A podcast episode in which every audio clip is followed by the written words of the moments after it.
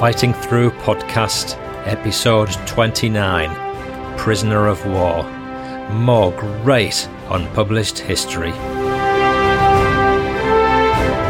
We found a courtyard with steps leading to a cellar and decided this would be our hiding place. But we'd only been there for about half an hour when we heard footsteps in the yard and heard a loud voice say, Englander, house. Looting is punishable by death, and I shall have to seek guidance from my superiors as to what punishment you should receive. But some of you may be shot for this outrage. At one point, whilst at this camp, I had to visit the English dentist in a nearby town for treatment. My German escort had toothache himself and asked if I thought our dentist would be willing to extract a tooth. The dentist agreed but asked me how much I wanted the card to be hurt. Suddenly, through the haze, we saw a flight of 20 large planes in arrow formation at about 10,000 feet. As they came nearer, we realised they were American fortresses. In September, we saw the really nasty side of the concentration camp system. One day, a train of about 30 wagons pulled into a nearby siding, and we could see white faces in the small apertures on the sides. We held a ditch for 24 hours at the edge of a wood, looking down across fields at a hamlet occupied by 12 SS. Elements of 2nd Essex were holding the ground on our left. Spandau fire crashed through the branches above our heads we took one prisoner, a Panzer Grenadier. Hello again. I'm Paul Cheall, son of Bill Cheall, whose World War II memoirs have been published by Pen and Sword in Fighting Through from Dunkirk to Hamburg. The aim of these podcasts is to give you the stories behind the story. You'll hear memoirs and memories of veterans connected to Dad's War in some way, and much more. Thank you so very much for listening. I do appreciate it. This is going to be a real miscellany of a show. I've got all sorts in it. I have an absolute stack of listener feedback, and my relative was in the war memoirs. My star feature is a fantastic POW memoir I dug up at a car boot sale, or I think you call them garage sales in America. It's about a British POW in Poland and how he survived to tell the tale, in no small part due to kindnesses offered by the Polish people. Plus, there's a few other POW anecdotes I've come across which you'll hear in the postscript, the PS. So there's going to be some pretty compelling listening. I think it might be my longest show ever, massive in fact. I hope that's okay. I'm still sad after the death of veteran Wilf Shaw a few weeks ago at the age of 98, and I'm now going to give you news of how his funeral went and what a great sending off he was given by his family, friends, and military connections. So, firstly, some great feedback from Leslie Littlewood about Wilf's funeral. For anyone listening to the show for the first time, Wilf has featured several times in previous episodes and the Coffee with Wilf series was definitely a favourite for many listeners. Here's Leslie. Wilf's funeral was held recently, and I'm pleased to say it was a beautiful service, and he had a really lovely send off. The service was at St Paul's Church, and it was really dignified, at times very emotional and well attended. There were members of Oldham Royal British Legion in church with a standard bearer, there was a representative from the Green Howards Regiment, Bernard Bunting of Leeds, who read the tribute to Wilf written by Paul Cheall, with some very lovely words included by our own Steve Mack from the World War II Talk Forum. The last post was played. Four members of staff from the Marks and Spencer store at Ashton Moss came to the funeral too, which was a really nice tribute to Wilf, as he'd been visiting the cafe for a few years and the staff knew him well. A few people from the sheltered accommodation where Wilf lived were there too, members of his extended family, and a few members of the public who turned up to offer their condolences. Wilf's family invited us back to their home for food and drinks, and it was lovely to finally meet Wilf's son and daughter in law Michael and Elaine, as well as his grandsons Leon and David. My husband Steve and I were made to feel really welcome, and it was a pleasure to talk to them about my memories and wonderful times I shared with Wilf. Many thanks, Leslie. A couple of flashbacks to the last episode. Uh, a brief shout out for a new podcast. In my last show, I was exhorting you to take care of the birds during the cold weather, and afterwards I felt I could have mentioned the Casual Birder podcast by Susie Buttress, which inspired me. Susie's a great host and really gets you interested in the birds in your garden. So if you get bored with war stories one day, tune into the Casual Birder podcast for a change, available on all podcast players. There's absolutely no connection between the Fighting Through podcast and the Casual Birder, so I hope you'll forgive me there. But I did say this show was going to be a real miscellany. Now then, a mystery is solved regarding where a certain soldier was wounded, leading to his death. Uh, I want to briefly revisit something from a recent episode about veterans Wilf Shaw and Fred Zilkin. You might recall Fred mentioning the army service numbers which had been allocated between him and Wilf and, and wondering what happened to the three guys in question. Uh, we, we, we know two survived, but one, Alfred Taylor, died on the 23rd of May 1945, aged 26 which was just days after the war in Europe had ended on the 8th of May. We were puzzled as to how this had come about. Well, the answer, as it turns out, was pretty obvious because when I looked up the number on the Commonwealth War Graves Commission website, it showed that he's buried at Streatham Cemetery in London. Well, that means he was probably wounded fighting in Europe and evacuated to England, only to then die in hospital. If he'd been out in the Far East, he'd probably have been buried there. So, what a tragedy to be wounded during the last fighting to take place in Europe and then to die back on your own shores. But I guess it would have happened a lot in reality. Over to some feedback now. This is an email from Joshua.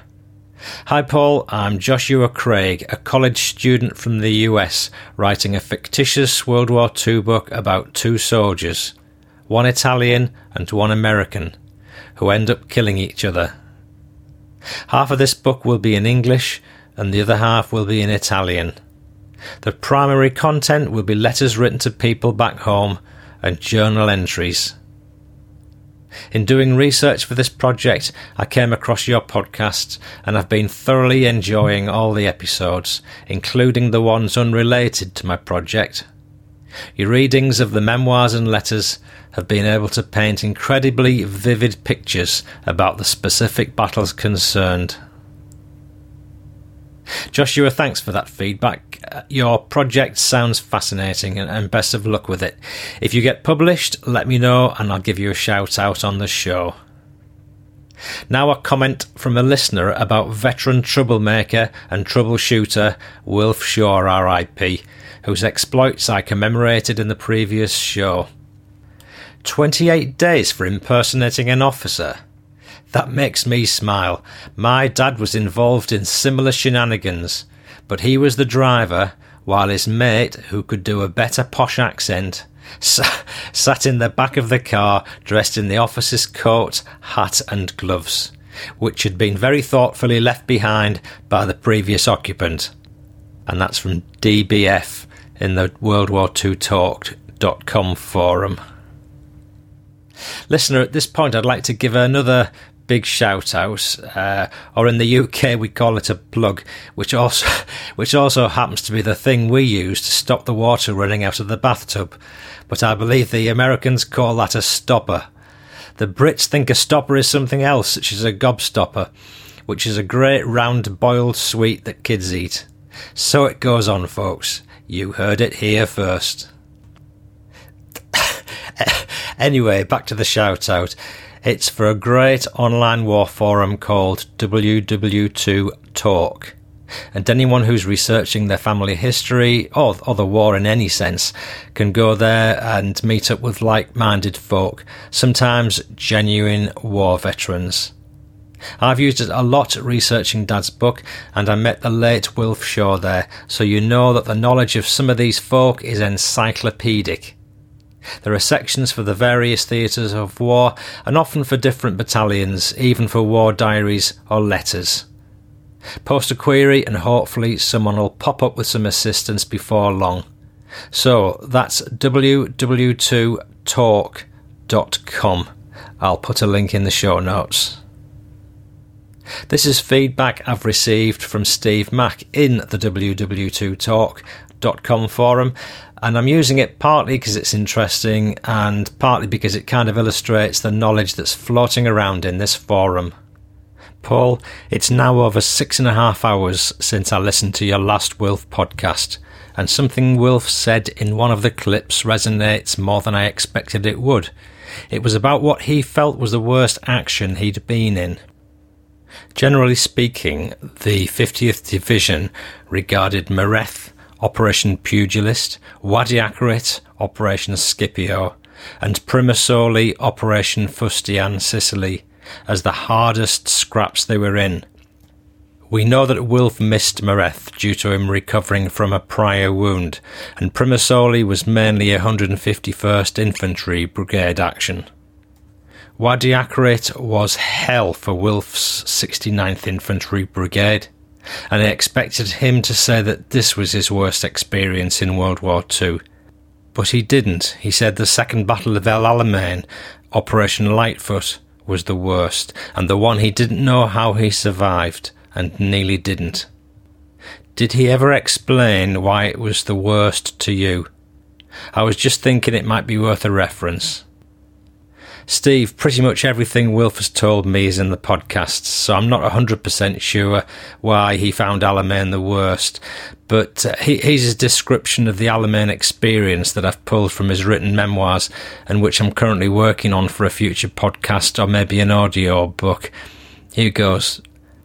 My feelings, bearing in mind what had happened previously at Gazala, and in the most appropriate phrase I can think of, were fatalistic resignation.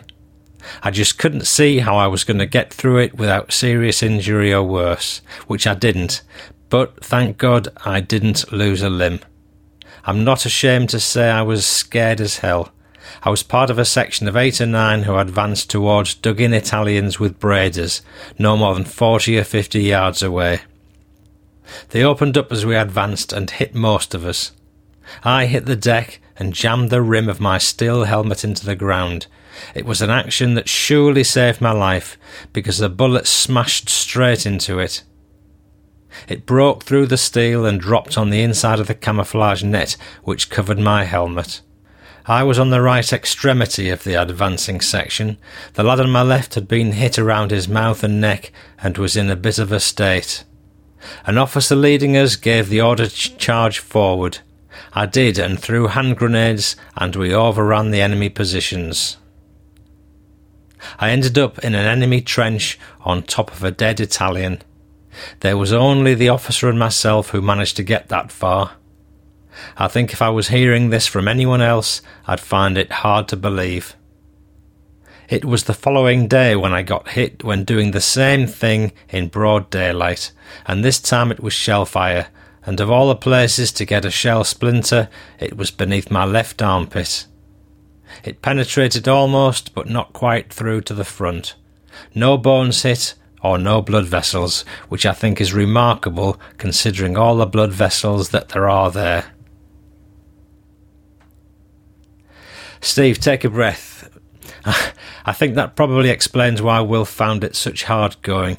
He came so close to death in a very scary encounter. I know he was heavily shelled at Akarit, and there was some pretty nasty fighting, but maybe he found that only slightly less concerning, depending exactly where he was positioned. Um, I'm thinking of the Italian trench he once had to dive in, which had been used as a latrine. So uh, instead of landing on top of a dead Italian, he landed on something else. but uh, at least in that position, he was under relatively safe cover. I've got some more miscellaneous feedback now. Um, many thanks to Mr. Mark N4CC from USA and Martin North, who both wrote in with nice feedback. Thank you, chaps. I'd like to give a big shout out for anyone listening to the show while they're driving, namely Johnny M57 from the UK. Um, Johnny says, I've only just discovered podcasts. Where have I been? I've always been fascinated by World War II, and this series of podcasts has been amazing. I've never been chilled to the bone so often. I often listen whilst driving my truck, and it makes the miles fly past. Thank you and keep up the good work. And as well as Johnny listening to the show while he's driving, there's also been Craig Murray Rennick from California, who sent me a great story about researching people who delivered aeroplanes during the war. Craig said, Hi, Paul. Wow, the podcast on Gallipoli was amazing and relentless. What a tale was told, and you told it so well. I stumbled upon your podcasts and absolutely love hearing them, and I wanted to reach out to tell you myself. Living in Southern California, I'm faced daily with horrendous commuting traffic, and the ride from my house in South Pasadena to the west side of Los Angeles is roughly 20 miles, but some days it can take 90 minutes. So I need to entertain myself and try to keep my sanity. I work for 20th Century Fox on their studio lot, in my non work hours, I'm writing a 10 part TV series based on the lives of the 168 women from all around the world that flew for the ATA, the Air Transport Auxiliary, during World War II. I've done a ton of research on these ladies, and men of course, and even managed to find the last of the American pilots living a couple of hours south of me in Carlsbad, California. She's Nancy Miller Livingston Stratford, aged 98, but moves around like she's so much younger. Even though her hearing is bad, I managed to spend three hours interviewing her whilst she showed me her logbooks, scrapbooks full of images, and other artifacts around her apartment. I've been obsessed with their story, and how amazing that they flew delivering fighters and bombers with no radio, little or no instrument training, and flying by sight in UK weather. I'll be 60 this August, and my father John and his brother David both were in the 48th Highlanders of Canada. On my mother's side, she had three brothers that served in Europe and came back, I attach a newspaper clipping that was saved of her brothers. So I've grown up with these brave men who volunteered to help save our freedoms. Thanks for all you're doing. Craig, thanks for writing in with that fascinating insight into your work. If you get your TV series off the ground, do let me know and I'll give you a big plug on the show. Good luck with it.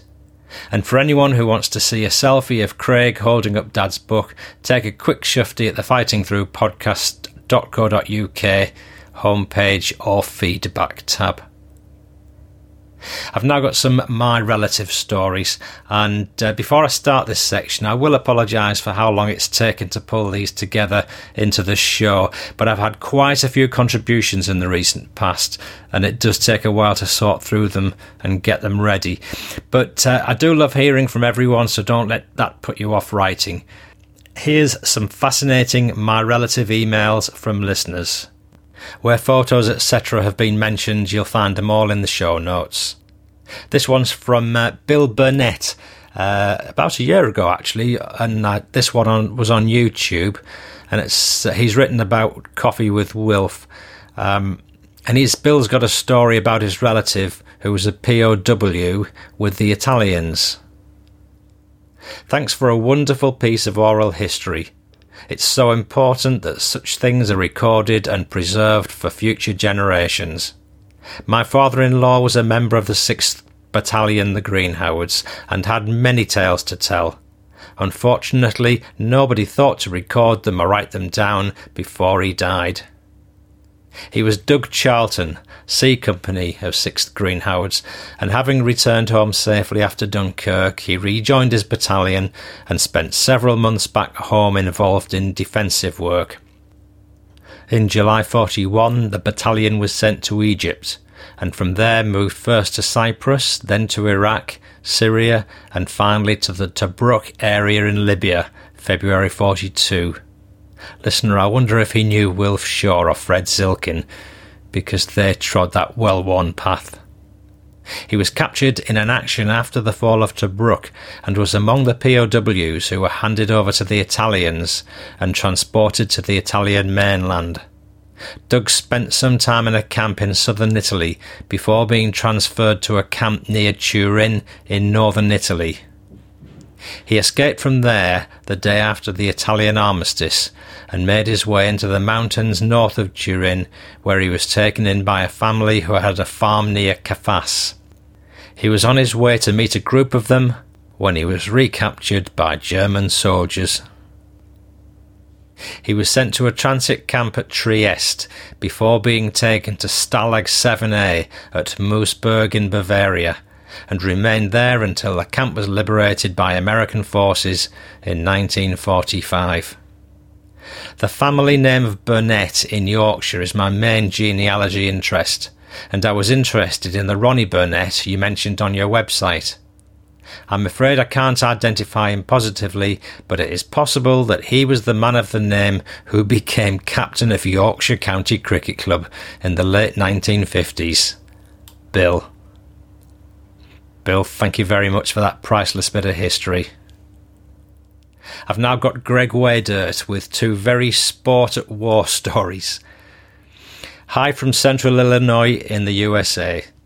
I love the series. My grandfather served in the US Army Air Corps, loading bombers in North Africa. He never did talk much about his duties or much about this period at all. He shared two stories over his entire experience. During the weekend in North Africa, his crew went golfing, and he never golfed before. Well, at the end of the round, people asked how he did, and he was wondering if two holes in one was good. No one talked to him for a week after that. Well, from then on, he was hooked as a golfer and taught his family all the way to great grandkids the love of the game. He was also able to add on some championship trophies and a few more holes in one to his legend. Second story is he and his brother got stuck on a slow ship home from Japan at the end of the war. A boat full of soldiers with pockets full of army back pay and nothing else to do but play cards. He and his brother came off the boat with enough money to open up their own bar. The book is a great read. I've been showing it off to the patrons in my library, and I'm creating a list of people who want to read it after me. What I like about both the podcast and the book is I get to see the war from a different point of view. Although my grandpa never talked about the war, it did not stop me from researching it and getting sucked into it. However, I know a lot about the Americans and their part. I love to hear what the other Allied forces did. Keep up the great work, Greg Waydert. Greg, thank you so much for your input there. Uh, some great anecdotes. And uh, I just hope that your relatives who bought that bar with their uh, poker winnings didn't uh, drink all the profits at some later date. Thank you very much, Greg. Moving on, I've got some more my relative stuff for you to listen to. Um, Brian Willett has sent me a superb photo of an engraved tankard of the war story, together with news of his discovery of a hidden hoard of wartime photos of his local Home Guard volunteers. Hi, Paul. I discovered your podcast last week and enjoyed the first few episodes. Like your dad, my father also served in the Western Desert from the beginning to the end of the campaign. I'm the son of John and Marjorie Willett and was born and lived in Llandudno, North Wales. Dad lived at Mowbray Road from childhood till his early thirties. Like for many people, the Second World War took away six years of his life. He volunteered for duty because he was one of five brothers who all qualified to be exempt from military service. They were all telephone engineers. Dad knew that his mother, a widow, was worried that neighbours whose sons had been called up would despise the Willett family if all the sons were sitting out the war. So he joined up and served in the Royal Corps of Signals in the Western Desert and later Germany. At some time, Dad was attached to the 51st Highland Division. He wasn't very forthcoming about his war. The only thing that could be learned about his service was a hatred of Montgomery for some reason. Anyway, I thought you might like these photos of one of his souvenirs. I have few tangible things of my father, and I like this the best. Listener Brian sent me a photograph of a tankard engraved with various scenes from his dad's war battles. Quite superb. Brian suggested it would be made from a, a shell casing. I've put a photograph on the website, needless to say. We lost our father in 1981. Too many crap cigarettes in Alexandria. Shame the internet didn't start 20 years earlier. So many stories lost forever now. You know I'll drink to that one, Brian. Absolutely right. Two years ago, I was contacted by a local historian who worked for British Telecom. Staff at one of the telephone exchanges had found a sealed box with my uncle's name on the lid. He'd opened it and found over 300 photos taken by my uncle Hector of the Home Guard training in the North Wales around 1940 and in many photos it appeared that Dad's eldest brother Arthur seemed to be one of those in charge. The photos are pin sharp and cover marching, camouflage, camp spire firing range, and instruction on various weaponry. Before the war, lots of holiday camps had sprung up along the North Wales coast, and the one in the photos was in the village of Belgrano, in between Abergele and Rhyl. We're planning a trip soon to film what's there now. I'm going to visit because apparently target posts are still visible. There's a photo of Dad reading the local rag in the western desert. It was taken by a war photographer and was used by the advertiser newspaper, putting Dad on the front page. No photo of Dad reading a later edition, with him on the cover, was sadly ever taken. Ha ha. Being Welsh, it's rugby for me this afternoon. All the best, Brian. Brian, thanks so much for all this. Um, I've posted those historic photos you sent in in the show notes, and of course, you have many more. I know you were wondering who'd be interested in these, and I'd say there'd certainly be plenty of historians who'd be very keen to see them. If anyone listening to this wants to know more, get in touch with me, and I'll connect you to Brian. As for the rugby, give me American football any day. Ha ha. John Dady by email. John's written in about his family's seven-a-side soccer team and another POW link. Together with how a hunting party took unfair advantage of a boar using a piece of military hardware that meant it was, well, just not playing cricket. Hi, Paul. I'm an avid listener of your podcast and I read your dad's book. I couldn't put it down. Listening to the Wilf Shaw tribute reminded me of listening to my dad and uncles talking about the war. They only told us of the funny parts and wouldn't go into detail about what they'd seen. They served in all the theatres except the Far East and were very lucky that out of seven of them, only one was badly wounded in Italy. Alas, they're all gone now, and I would have loved to have had them write down their stories before they went.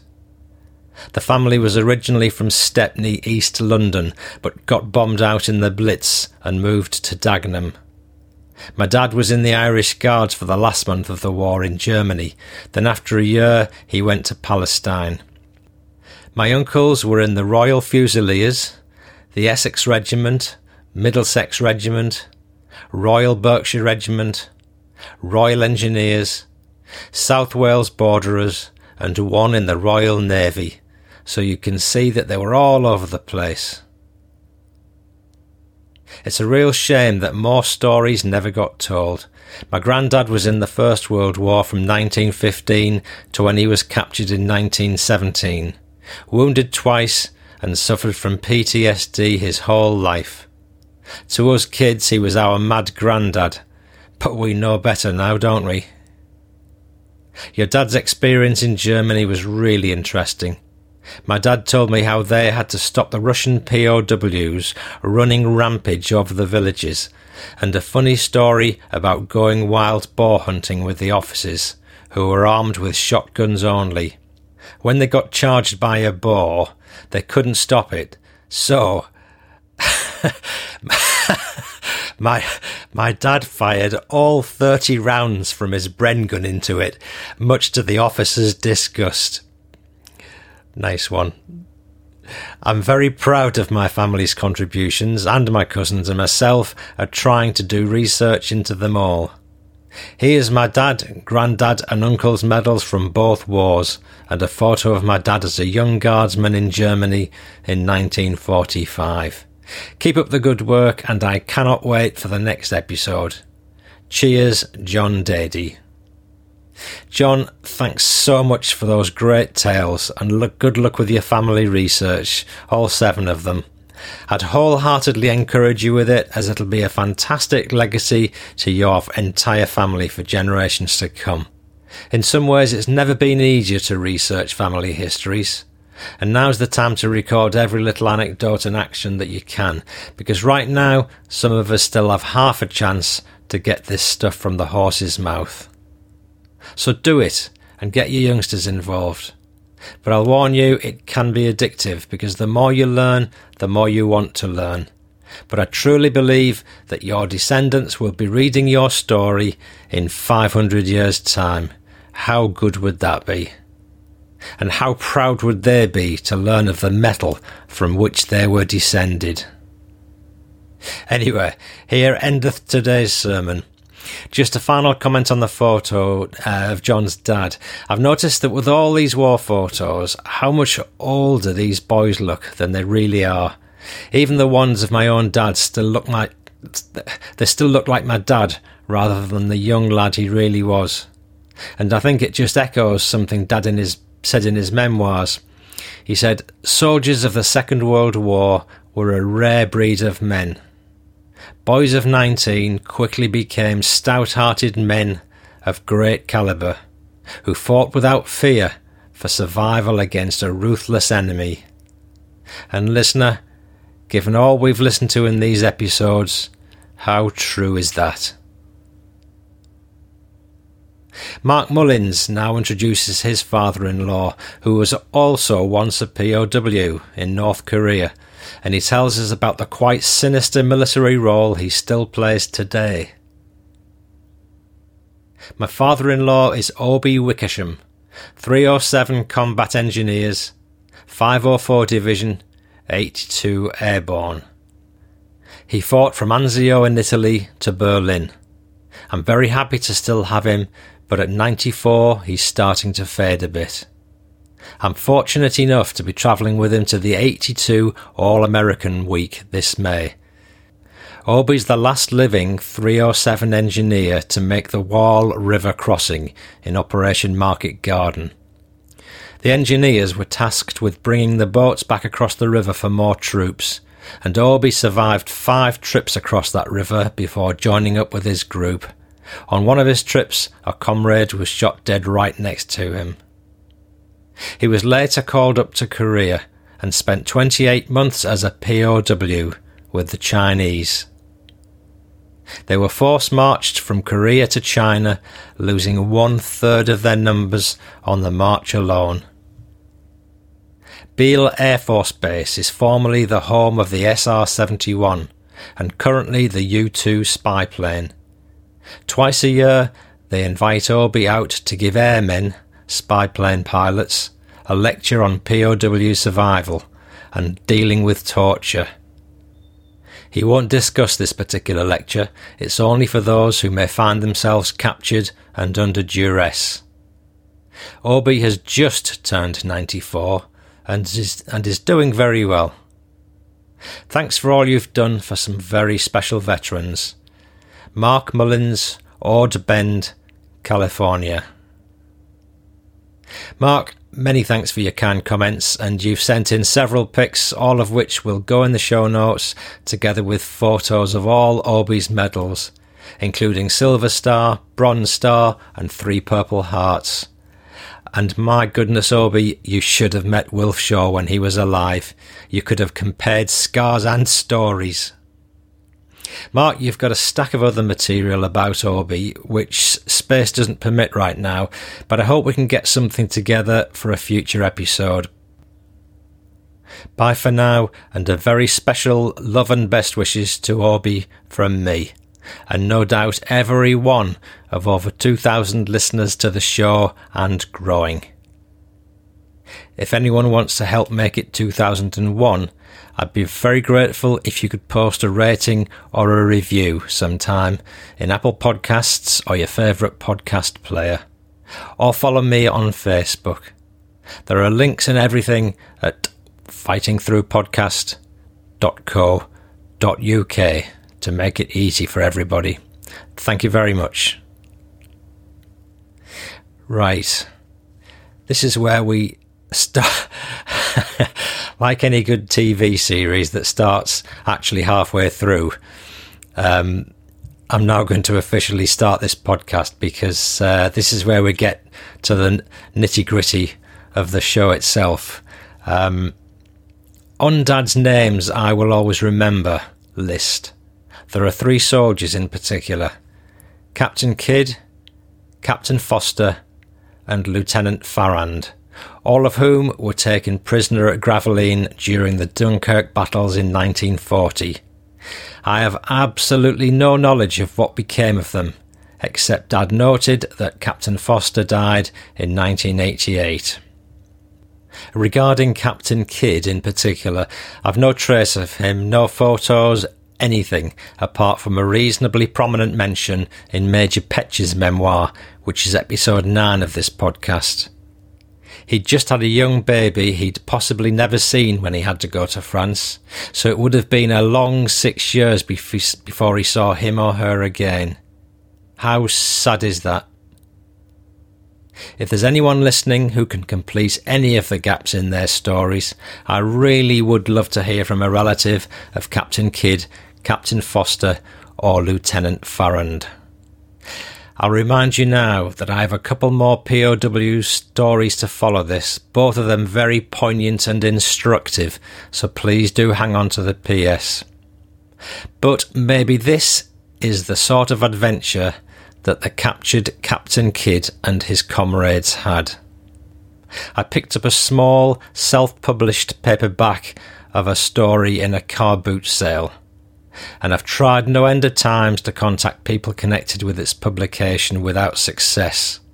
So I'm nevertheless going to use some of his story for this podcast. The reason is that I know from Dad's book that any publicity is good publicity, and anything I can offer in that direction through this podcast can only be, only be a good thing if the family ever decided to broaden the book's publication. It's a fantastic story about a British soldier who's captured in 1940 during the fighting at Dunkirk. He ends up as a POW in German occupied Poland. The story's funny and heartwarming, though not without some sadness. But overall, I do think the human race comes out on top, and the Polish people come out in a very favourable light for showing some Dunkirk spirit of their own in showing various kindnesses to the POWs despite being oppressed themselves. It's a reminder of European togetherness, even in 1945, but I think it has something of interest to all nationalities. This is the story of Brian Asquith. He was a rifleman in the King's Royal Rifle Corps and was captured at Dunkirk in 1940. The memoir is called Long Time No WC. Please excuse any noise of pages turning, but on this occasion I'm reading directly from the book. And if you guys are driving at the moment, please make sure you keep a good eye on the road. For the rest of you, relax and enjoy a good story. The book has several dedications, one of which is Jean Asquith, Brian's wife. Then there's the Polish civilians who risked their own lives to give what little they had. And finally, Lieutenant Robert Scott. And I'm going to read his dedication from the book directly. Here goes.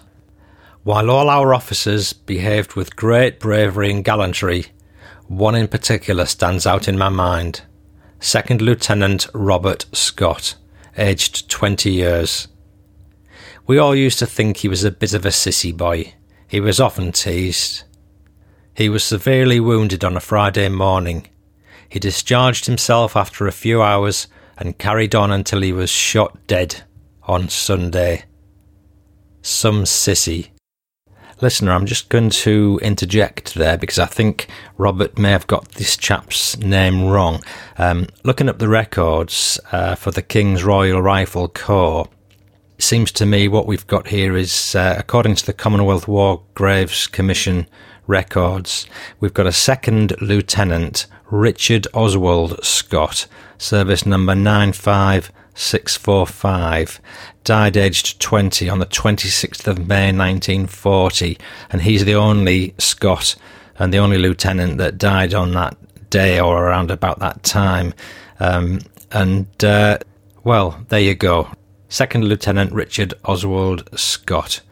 What a young hero. It's May the 10th, 1940. Germany has invaded Holland. The British braced themselves for heavy action, and my dad with Major Petch and his boys were already over in France. A telegram arrives.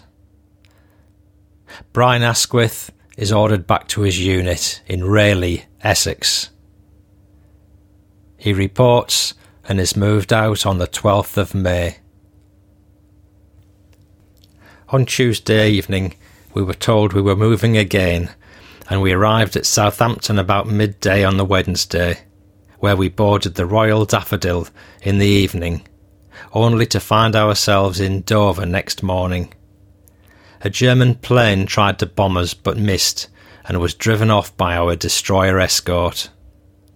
When we reached Calais, the docks were already under spasmodic shell fire, but we got ashore unscathed, and later our vehicles were unloaded from another ship a battalion of the Rifle Brigade had followed us in, but their vehicle ship arrived much later, by which time the shelling had increased so much that the ship sailed back to England without unloading, and still carrying some of our ammunition.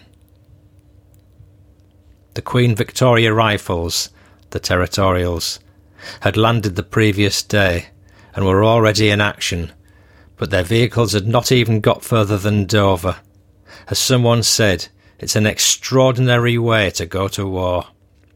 We moved to the outskirts of the town near the Pont du Jourdain, and the night was fairly quiet. But at dawn we came under heavy shell fire which continued all day. Our platoon had a good position on the steep bank, but we lost one man. In the evening we were told we were too stretched on this outer perimeter and we moved back behind the canal and spent most of the night searching houses for fifth columnists, but found none. Under constant shell fire, machine gun fire, and some bombing, we held our position for most of the next two days. But the Germans had mounted a heavy onslaught on the docks area, and by Sunday afternoon we were surrounded. At about 6 pm, one of our officers called out, there's no ammunition. It's now every man for himself. He suggested we hide up and escape after dark. We found a courtyard with steps leading to it in a cellar and decided this would be our hiding place.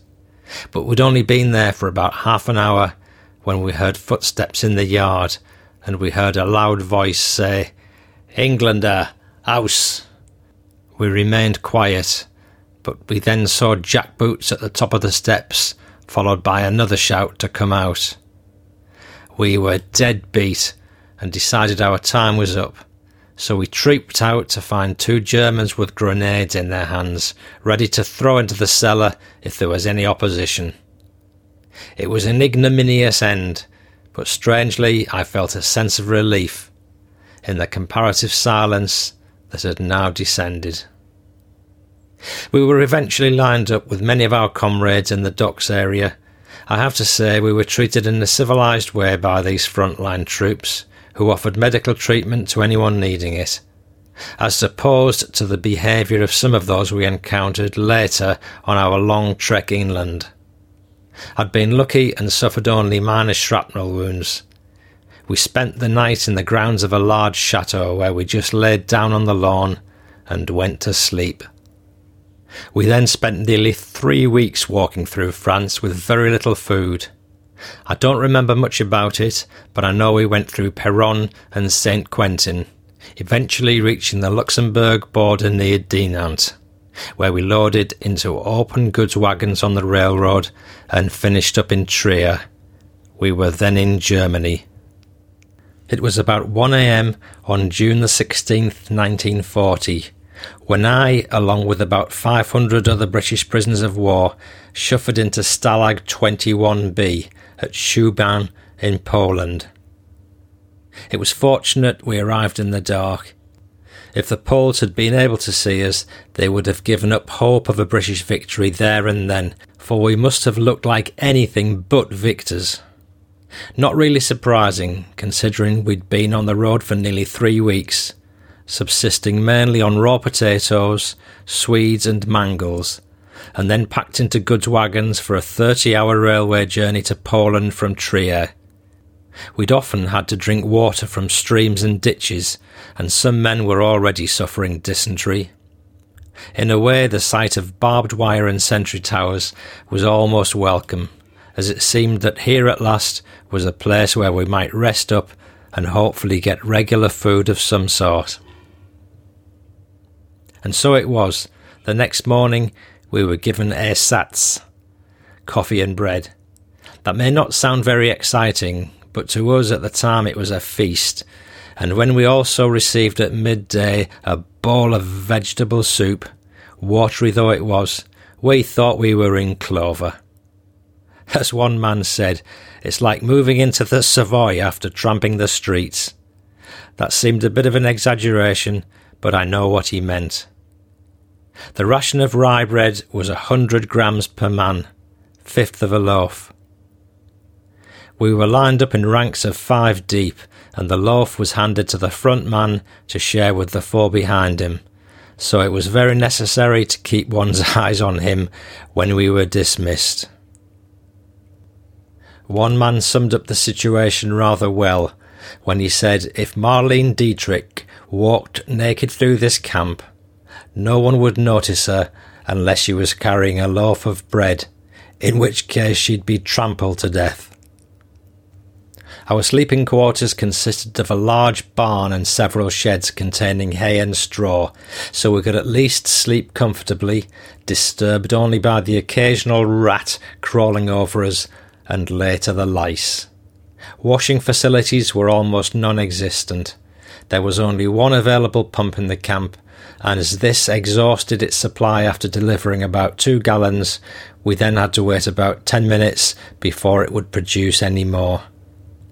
The worst time, however, was to come when the pits were emptied, and we had to pour water into them and take it in turns to stir the whole horrible mess with long poles in order to make it mobile enough to be pumped out.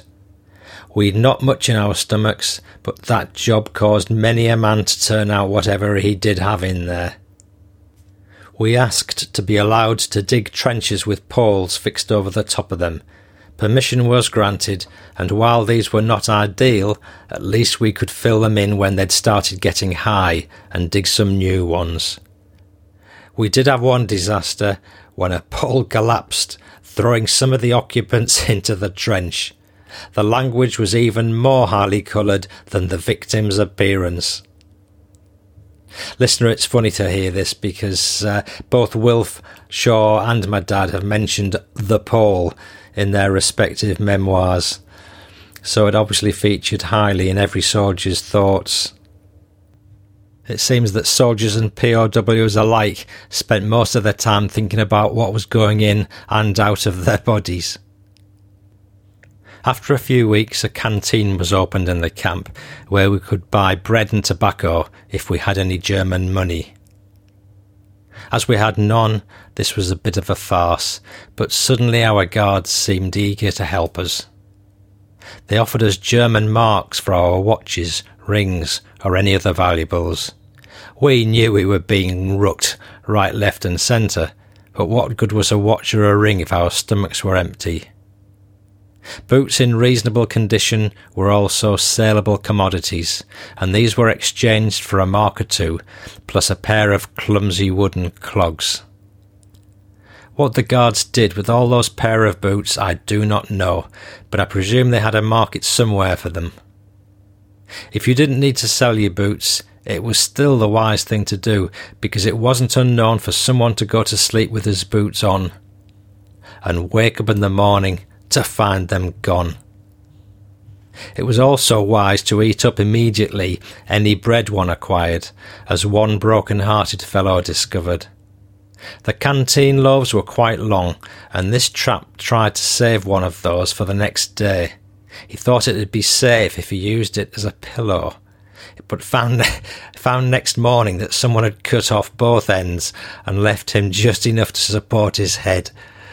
I'm, I'm afraid that there was a lot of stealing at this time, but starvation tends to override honest principles, and I'm pleased to say that after the initial period of real hunger, I never came across another case of stealing in all the five years I spent in captivity. Not from each other, anyway. Stealing from the Germans was always a respectable profession. It may have been coincidental, but after we'd sold all our valuables, the Commandant announced that, in accordance with the Geneva Convention, we'd receive a small payment each week, especially printed camp money. From then on, we were able to buy a little extra food regularly, although we were still far from being overfed.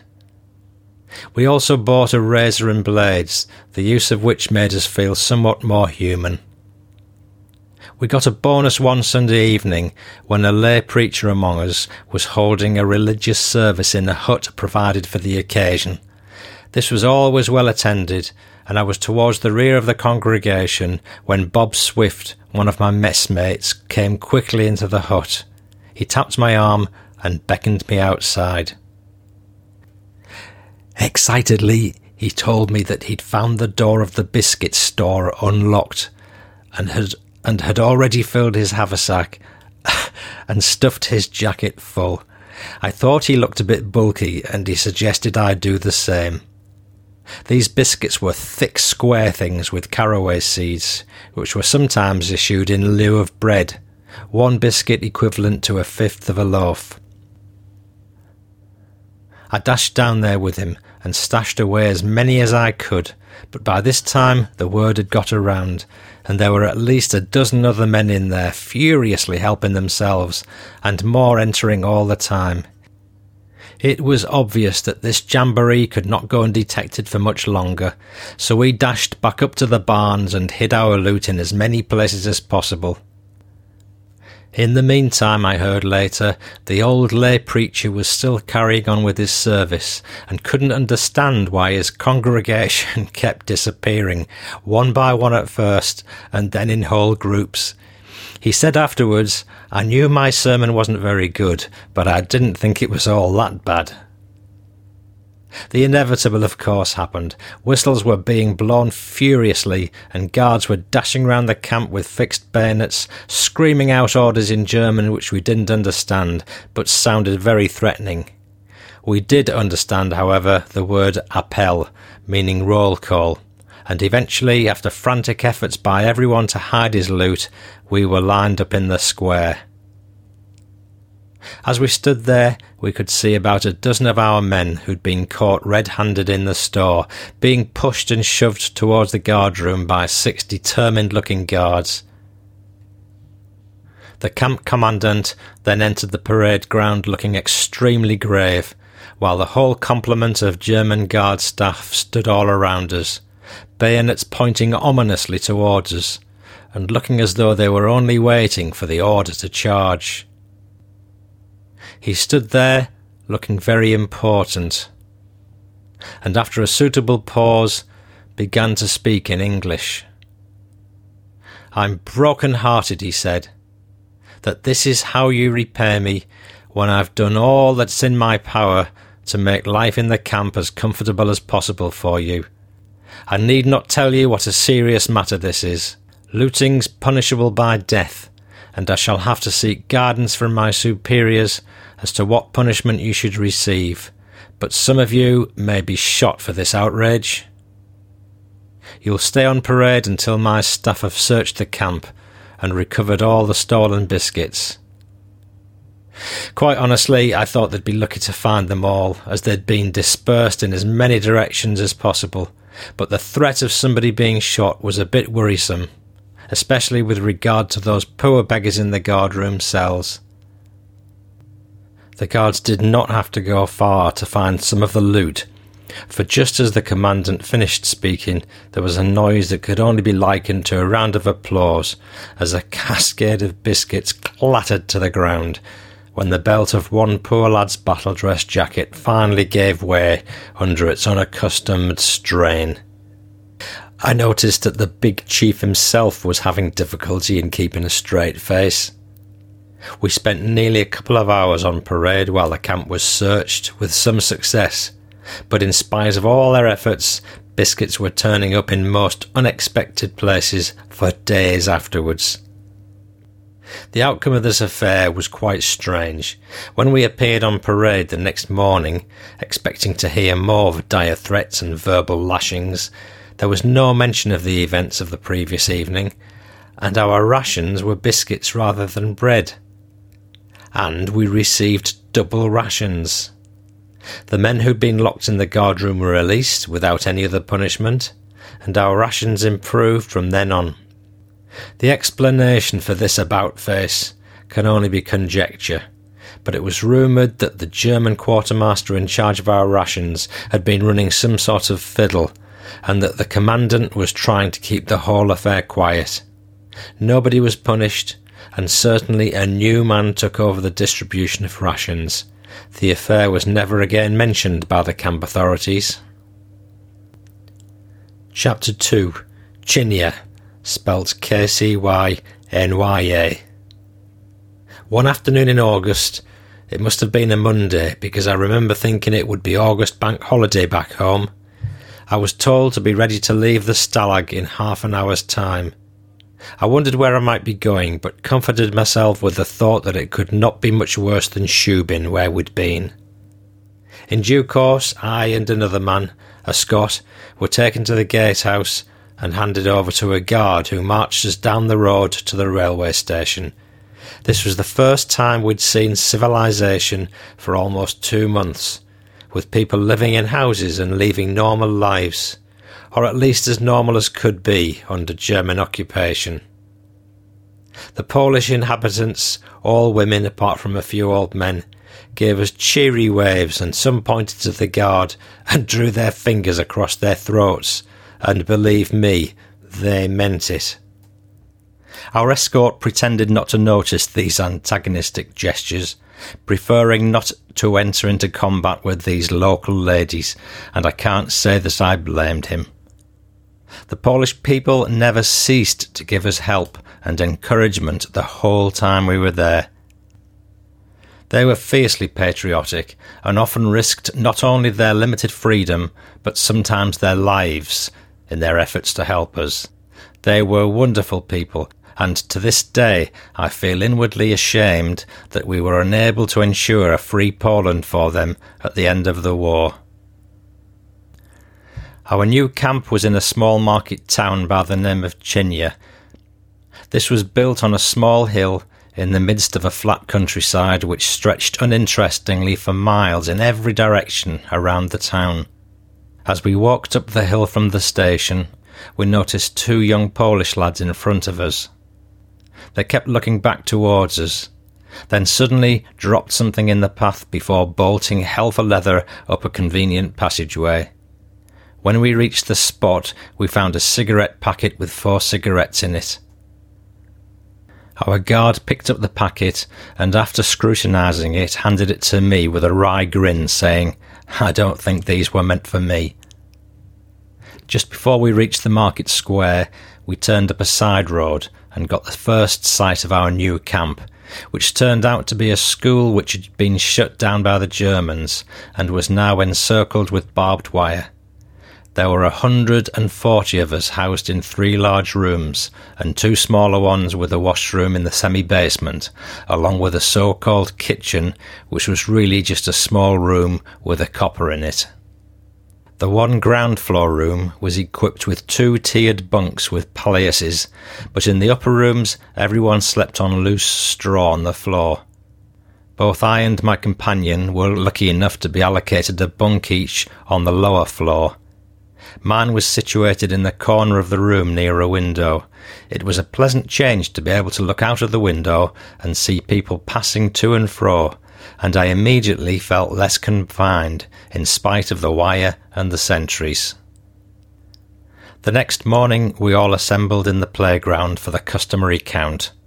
An array of tools, spades, shovels, and pickaxes were lined up against the fence. I'd been told that the work here consisted of cleaning out the ditches along the long, straight country roads around the town, but I was quite unprepared for the mad rush which nearly knocked me flying when the Commandant gave the order, Collect your tools. I was wondering why they were all so keen to get to work, until I noticed that the only tools left were the pickaxes, the heaviest. The Commandant was heard to say on one occasion, I wish they would put as much energy into using them as they do in choosing them.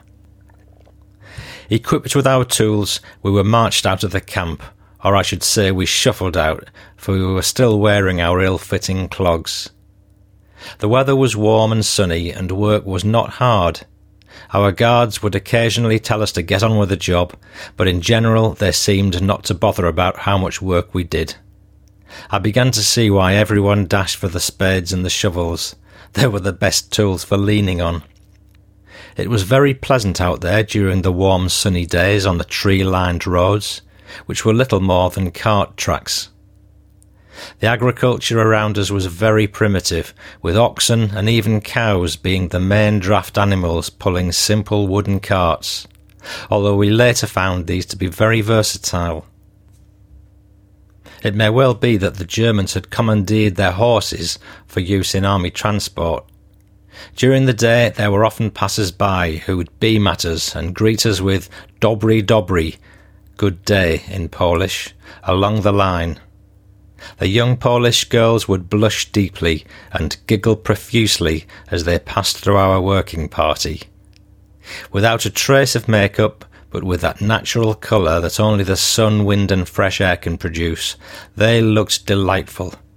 I'd never realised that women in traditional peasant garb could look so attractive.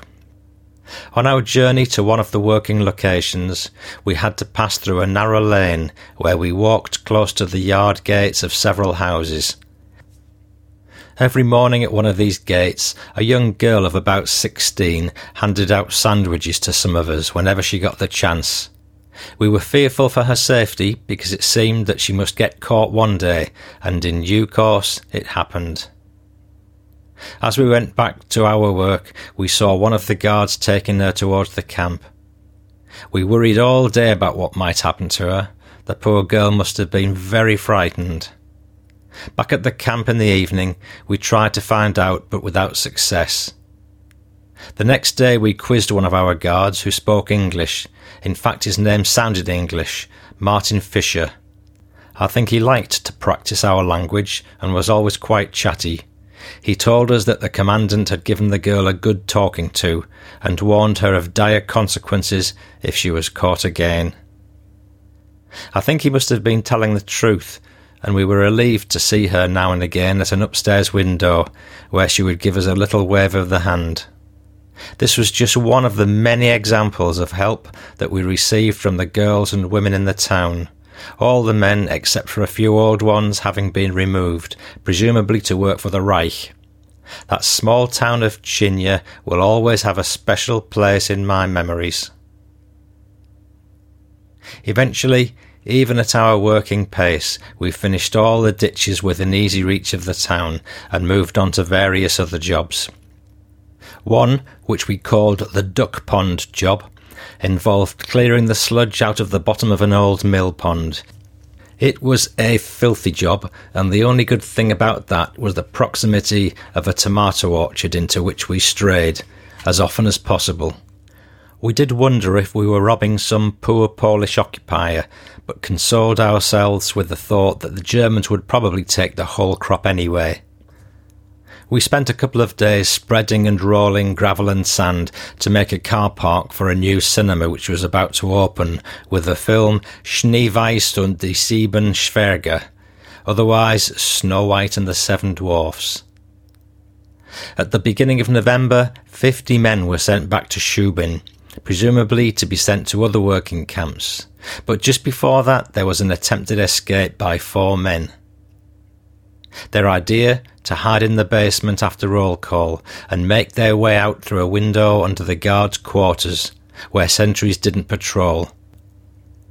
It was quite a good idea, but everyone in the camp knew about it, including apparently the Germans, I don't know how they found out, but quite a few of our guards had a smattering of English, and they may have overheard a snatch of someone's conversation.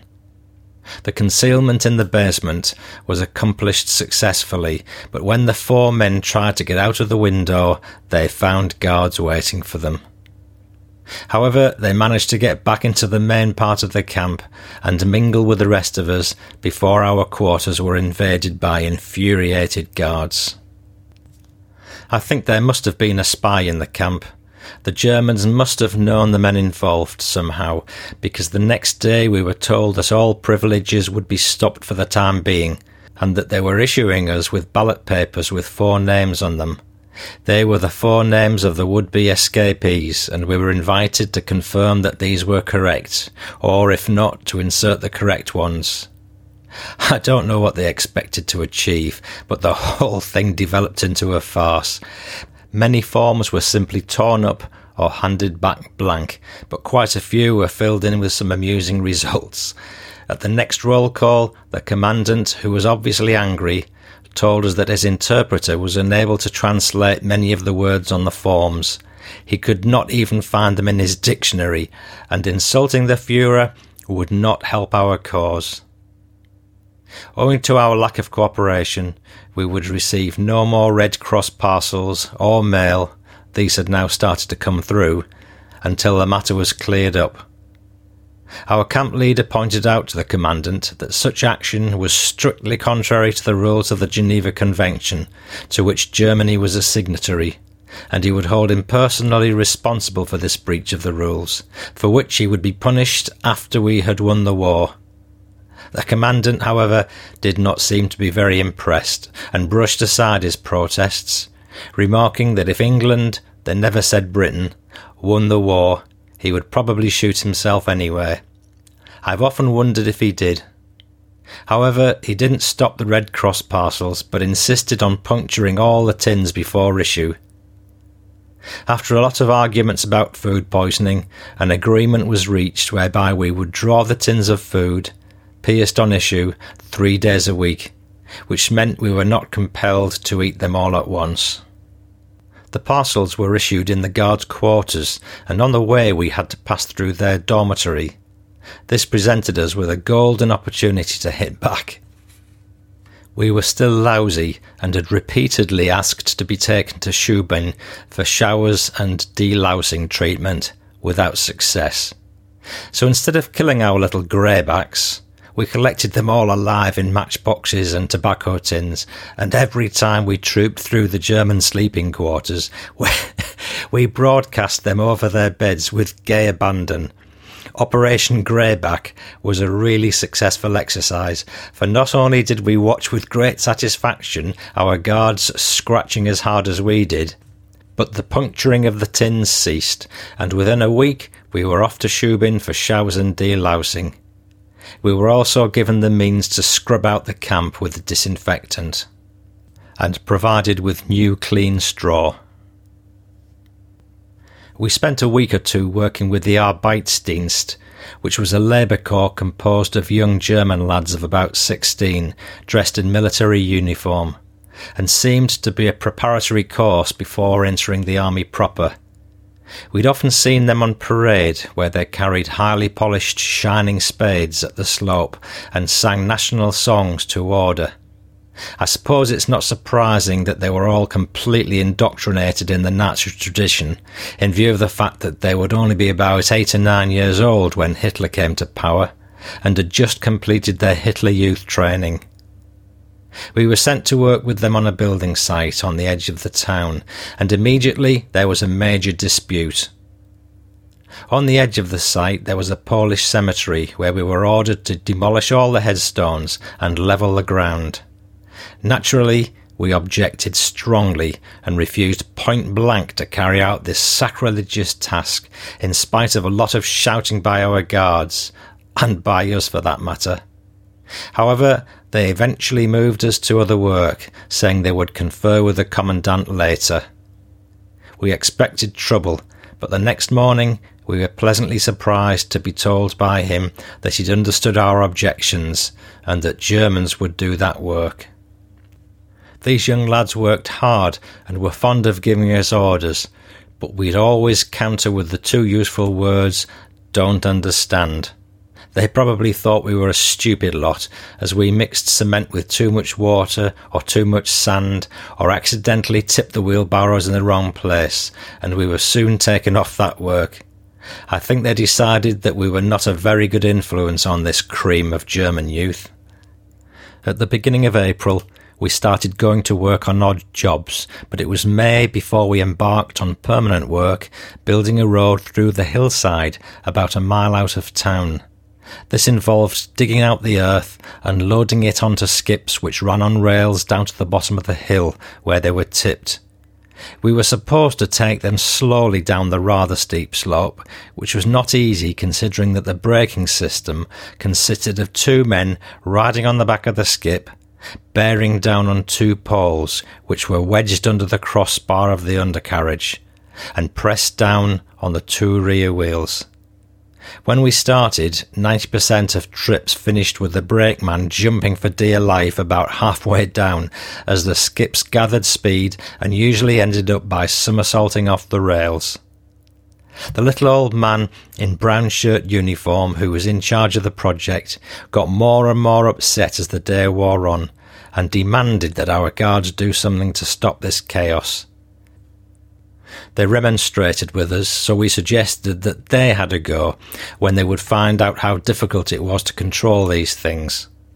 Two of them volunteered to show us how it should be done and we filled up a skip for them, putting in as many heavy stones as we could find.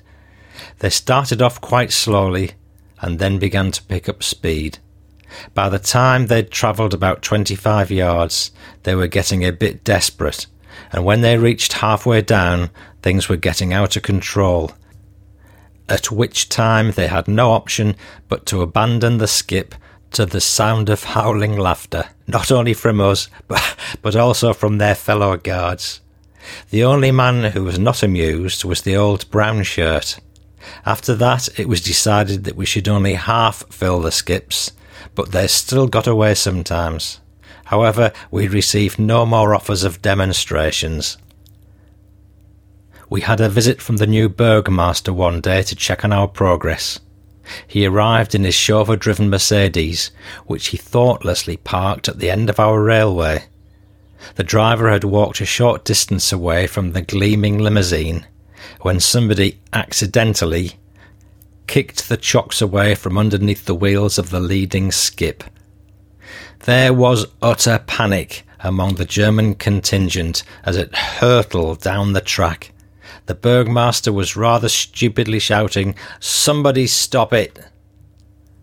The little brown shirt covered his eyes as the guards became white faced and the chauffeur started to dash back to the car to move it, but, but then decided that discretion was the better part of valour and fled. We hoped the skip would reach its target, but in reality, we knew it would derail itself first. Still, the excitement it caused was well worth the effort, and we never saw the Bergmaster again. I'd often thought about making an attempt to escape, but had never got round to making any definite plans. However, at the beginning of August, I managed to get hold of a map of Germany from one of the Polish workers and decided to have a go. We were not locked in till just before dusk, and my idea was to leave the camp before then and reach a small copse not far away. From there, I'd be able to move through a hidden gully to a section of dense forest about half a mile away, which overlooked a railway line where I could find good cover. I'd noticed goods trains chugging slowly up the steep gradient on this track and reckoned that they were travelling slowly enough for me to jump on. I decided to go on the 19th of August. I remember the date because it was the day of the ill fated Dieppe raid and everything went beautifully according to plan. I reached the forest without being seen, and was preparing to settle down to wait for darkness, when suddenly everything went wrong. A voice behind me shouted in German, Where are you going? I turned, and there stood a determined looking fellow pointing a rifle in my direction. I said I was just out for a walk, but he did not seem very convinced and escorted me back to the camp with the barrel of his gun pointed at my back. I found out later that he was a local farmer's son, a German officer on leave who was out there stalking deer. It was the humiliation of it all that hurt most. I had had visions of travelling miles away from Pomerendorf, and now here I was back in custody after only an hour of freedom. What a fiasco! To add to my humiliation when we got back to the camp, the guards treated the episode as a huge joke. The next day, when the others went to work, I was left locked up in our billet in my underpants, the guards having confiscated my trousers. However, that evening I got my trousers back and was told by the senior guard that they'd decided to overlook my misdemeanour and I would be going back to normal work in the morning. After I'd been at Wernersdorf about a couple of weeks, I was surprised when Ted asked me if I'd like to go to a party on the Saturday night. I laughed and said I'd love to, thinking he was joking, but he then revealed to me that he had a key for the door of our billet, and that he often went out to a Polish workers' camp about half a mile away, where they had a sort of Slav ceilidh at weekends. I couldn't wait for Saturday night, and after Willie had locked us in about 8 pm, we waited until we could hear his radio next door. He was slightly deaf and had the volume fairly loud, so after making up dummies in our beds, we slipped quietly out. Ted led the way up the railway line for a quarter of a mile before we turned off round the edge of a field when we came in sight of a large wooden building we could hear the sound of the accordions and violins long before we reached it, and we were welcomed inside. After more than two years of mostly boredom, this was a magical evening for me. We joined in the Polish Russian dancing and singing enthusiastically. It did not matter that our dancing technique was clumsy and we did not know the words of the songs. We just hummed along with the rest and nobody seemed to mind. There was quite a bit of canoodling, but I would like to emphasise that there was very little promiscuity among the girls. For one thing, they could not afford to get pregnant in their circumstances. I often think of these people when I hear young people say they are bored and have nothing to do nowadays. Here were these East Europeans, having worked like slaves all week, and with no opportunity for outside entertainment, enjoying themselves to the full among their weekend festivities. This was the first of many happy visits, although we had a fright one night when we were on our way up there. Our route took us along the side of a long, high clamp of mangels with a deep ditch on the far side. It was still a frosty night with a crescent moon, and as we proceeded alongside the clamp, Ted signalled me to stop and whispered that he thought he'd heard the sound of ice cracking on the other side. But hearing nothing more, we carried on quietly. When we got to the end of the clamp, we halted again, but we couldn't hear anything. So we moved on, and at that moment there appeared, silhouetted against the pale moonlight, a figure in forage cap, overcoat, and what looked like jackboots. Ted's brain must have worked like lightning. He gave one push, and the man who was standing on the edge disappeared into the ditch. We'd better run like hell, said Ted, as we heard the ice cracking in the ditch, but we stopped almost immediately and burst out laughing as I said, I've never heard a German use swear words like that. We returned to the dike just in time to help a very angry Freddie Robinson, a fellow prisoner from the farm camp in the village, up the steep slope. What we'd thought were jack boots were actually Wellingtons, and as the ice was almost solid, Freddie was more or less unscathed apart from a few splashes. After a few more expletives, he eventually calmed down, and a good night was had by all. Shortly after this came the news of the fall of Stalingrad, and for the first time the German people were absolutely shaken to the roots. It was like a bombshell, they just could not believe it. There was a cartoon in the newspaper showing a German soldier stepping over two dead ones with a caption, Over their dead bodies we go forward. But they knew that the tide had turned as the Red Army began advancing. I think it must have shaken our boss, Herr Kistler, too, as we heard him one morning soon afterwards talking to the young Russian lad on the milk cart.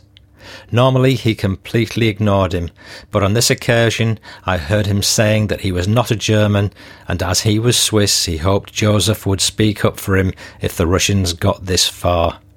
I could have spit. Strangely, the Germans didn't seem to worry too much about the defeat at El Alamein.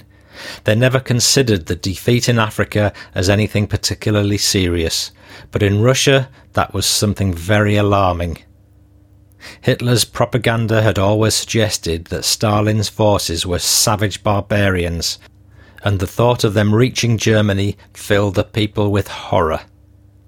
Actually, their fears were well founded, as later events were to show. After the war, I met some of my old pals who'd stayed on at Pomerendorf, where they were liberated by the Russians. Their stories seemed to indicate that the atrocities committed by the Red Army against the German civilians in Prussia at least equalled those carried out by the Germans in Russia. There was a really intense burning hatred between the two races. We British were not hated in that sort of way, except by a few.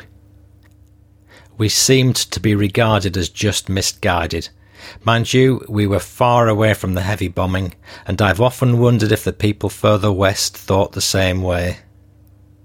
Both the German and Russian regimes were hated by the Poles who could not forget that Stalin invaded their country at the same time as Hitler, something we tend to forget here, and many thousands of their countrymen were deported to Russia and died there but there did not appear to be any enmity between individuals of the two races who were often working together.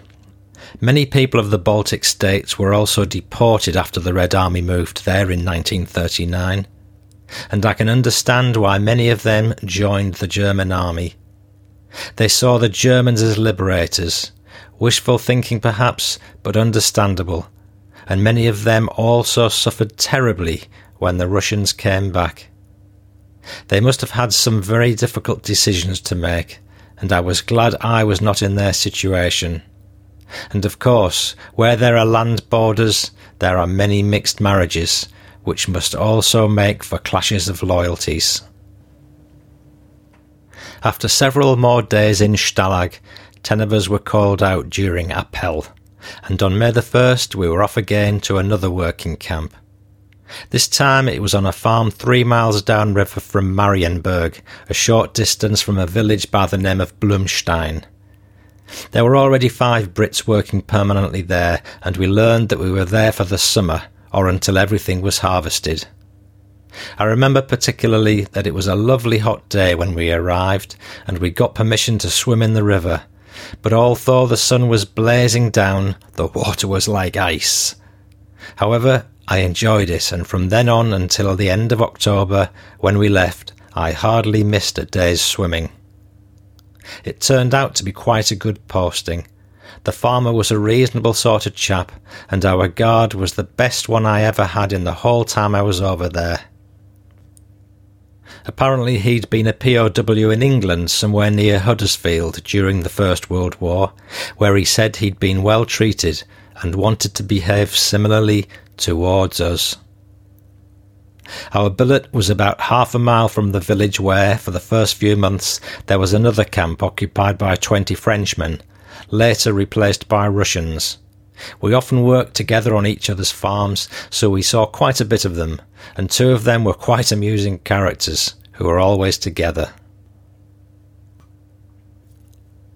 While I was at this camp, I had quite a bit of trouble with my teeth, gingivitis, and I had to visit the English dentist in Marienburg for about four consecutive weeks for treatment. On one of these occasions, when I was being escorted there by our guard, he said he was in great pain with toothache himself, and did I think that our dentist would be willing to extract the offending tooth? I said I did not know, but I would ask him when I got to the surgery, and this I did. The dentist, whose name I cannot now remember, laughed and said he would treat him, but at the same time asking me how much I wanted him to be hurt. I told him he was the best guard we had ever had, so he said he would treat him gently. And I think he must have done so, because when the guard came out, he was absolutely delighted and could not thank me enough. Marvellous dentist, he kept saying, never felt a thing. Actually, he was quite right. He was the best dentist I've ever been to in spite of limited facilities, and after the war I tried to find him in the telephone book of West Yorkshire, where I believed he hailed from, but without success. I suppose my six months at this camp were the most pleasant of my POW service. Although we had to work ten hours every weekday, we swam most evenings and often during the day when we were working near the river. We spent most Sundays on a beach formed on the river bank by dredging operations and even rigged up a diving board there. We also played one or two football matches against the other camp a little bit further downstream. I must admit, I sometimes felt a bit guilty when I read about the fierce battles being enacted around the world, and here we were sunbathing. Our only sources of news were the German newspapers, which were of course heavily biased, but we were able to get a general picture and read between the lines. The front lines of the various theatres of war, I think, were fairly accurate. But the bad news, and there was plenty of it for Germany by now, was always delayed by a few weeks. I suppose that happened with both sides. I can remember when we were being continuously shelled and dive bombed in Calais in 1940. London radio was telling us that there was light patrol activity in the area. As the summer went by, we harvested the various crops and early in October started on the mangels. The war news was getting better and better. Italy had surrendered and the Red Army was advancing steadily westwards but we were completely surprised by an event which occurred on October the 9th while harvesting the mango crop. About a quarter of a mile from the farm across the other side of the river was an aircraft factory that was turning out Focke-Wulf fighters. It had been producing planes for some time, but had been officially opened by none other than Hermann Goering himself, we later heard. The plant was alongside a small village called Königsdorf. It was about 2 p.m. on the afternoon of a lovely cloudless day when we heard the sound of air raid sirens in Marienburg. We couldn't see any planes and assumed it was a trial alarm, as sometimes happened, when suddenly, through the haze, we saw a flight of twenty large planes in arrow formation at about 10,000 feet as they came nearer, we saw that there were four more similar flights behind them, and we realized that they were American fortresses. The first planes seemed to be almost directly above us when we heard a loud swishing noise and saw a shimmering light underneath them. The next moment the bombs hit their target, causing a deafening explosion which made the ground shake under our feet. It was like a cook's holiday tour, as each following flight dropped its bombs, very accurately as I learned later, and then disappeared over the Baltic coast, gaining height all the time. Apart from a small amount of ineffective anti aircraft fire in the distance, there was no opposition. I didn't know then, but at the same time, more fortresses were bombing Danzig and Gdynia, besides demolishing another factory at Anklam. We assumed the planes had come from Russia, but on doing some research after the war, I found that they'd actually taken off from an airfield near Bury St Edmunds at 8am, flying over Denmark and the Baltic Sea to reach their target before finally touching down at Rougham at 1805 some 10 hours later. My parents knew I was somewhere near Marienburg and had kept an old copy of Picture Post in which there was an aerial photograph of the results of the raid, which included the farm on which we were working. The same picture appears in the official history of the American Air Force. Listener, if you have a copy of that photograph, do please get in touch. I'm sure there's a, a lot of people who'd love to see it. The raid was an enormous boost to our morale, but to the local German populace it was an unbelievable catastrophe. They kept on asking each other how was it possible for a hundred American bombers to fly in perfect formation in daylight over West Prussia without opposition. Where was the Luftwaffe, and where were the anti-aircraft defences seemed to be the main questions. They just could not believe it was possible, and Hermann Goering was not the most popular man around. In fact, I heard someone say that the raid should have happened the day before when he was there. We did wonder if we'd encounter much hostility from the locals because of this attack, but there was no noticeable change in their attitude towards us. Indeed, their anger was all directed against their Nazi rulers, who they constantly reviled especially as all the propaganda suggested that nearly all Allied planes which crossed into Germany were shot down by the Luftwaffe. I shall never forget the 6th of June 1944. We were unloading coal at the oil mill at about 12 noon when a two horse wagon driven by Archie McKilkey burst into the yard. Archie could hardly contain himself as he shouted, it started early this morning. More information later. And away he gallops.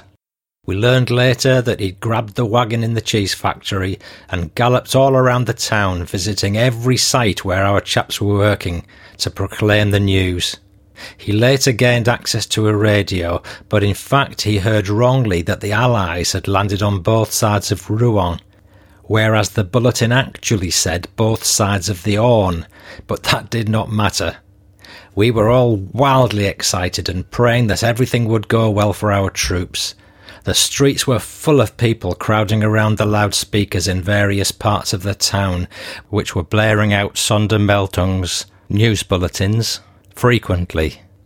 As Harney said, the next few weeks would decide the outcome of the war, the invasion was the only topic of conversation at the oil mill for several days, during which I got the impression sometimes that the Germans secretly hoped it would succeed, in view of the fact that the Red Army was rapidly approaching their eastern frontiers. I think there was always a lingering hope in their minds that America and Britain might eventually join with Germany against Stalin or at least occupy enough of their country to prevent the Russians overrunning it completely. The next few weeks were nail biting times as our forces seemed to be confined to a small bridgehead, but we realised they must first consolidate their positions. Then we got news of the flying bombs, news which particularly worried me. We heard that these things were falling indiscriminately all around the London area, and I feared for my fiancée who lived in Essex. It was great news when we heard that we'd taken Caen, and the Americans had broken out across the Cherbourg Peninsula. It did not seem that we were there to stay, and apart from the flying bombs, the news got better and better from then on.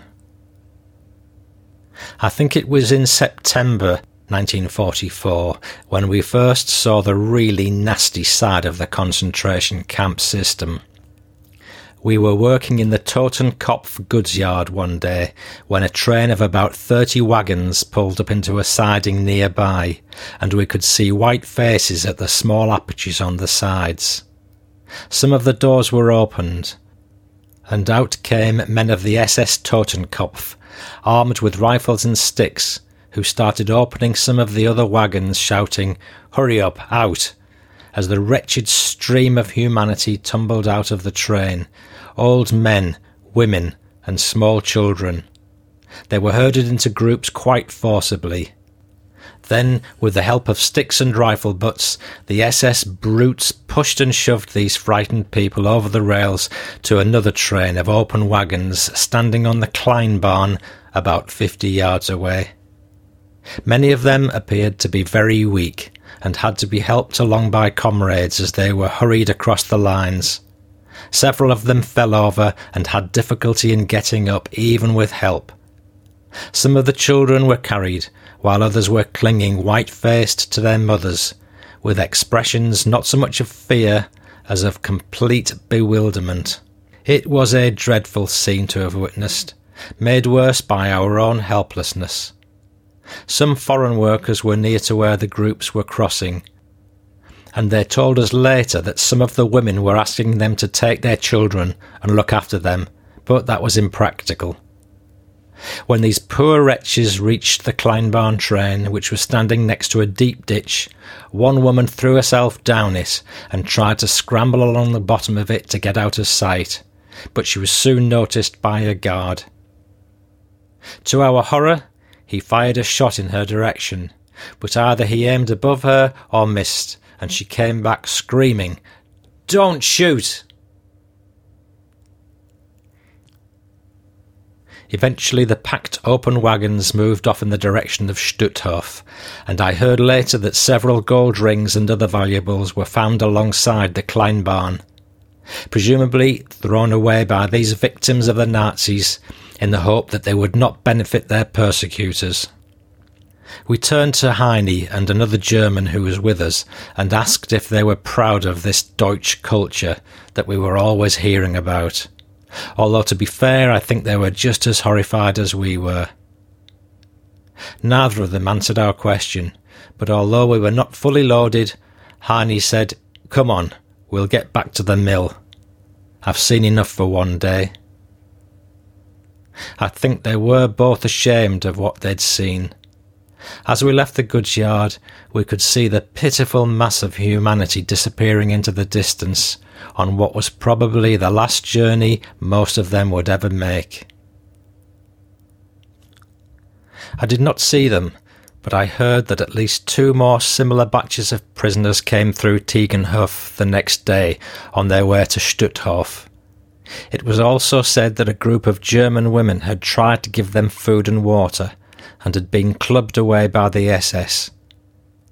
I think those guards must have been selected from the scum of the earth. We learned later that the prisoners were Jews who were being transferred from Riga in Latvia due to the approach of the Red Army towards that area. The scene of that day is still as clear in my mind as the day it happened.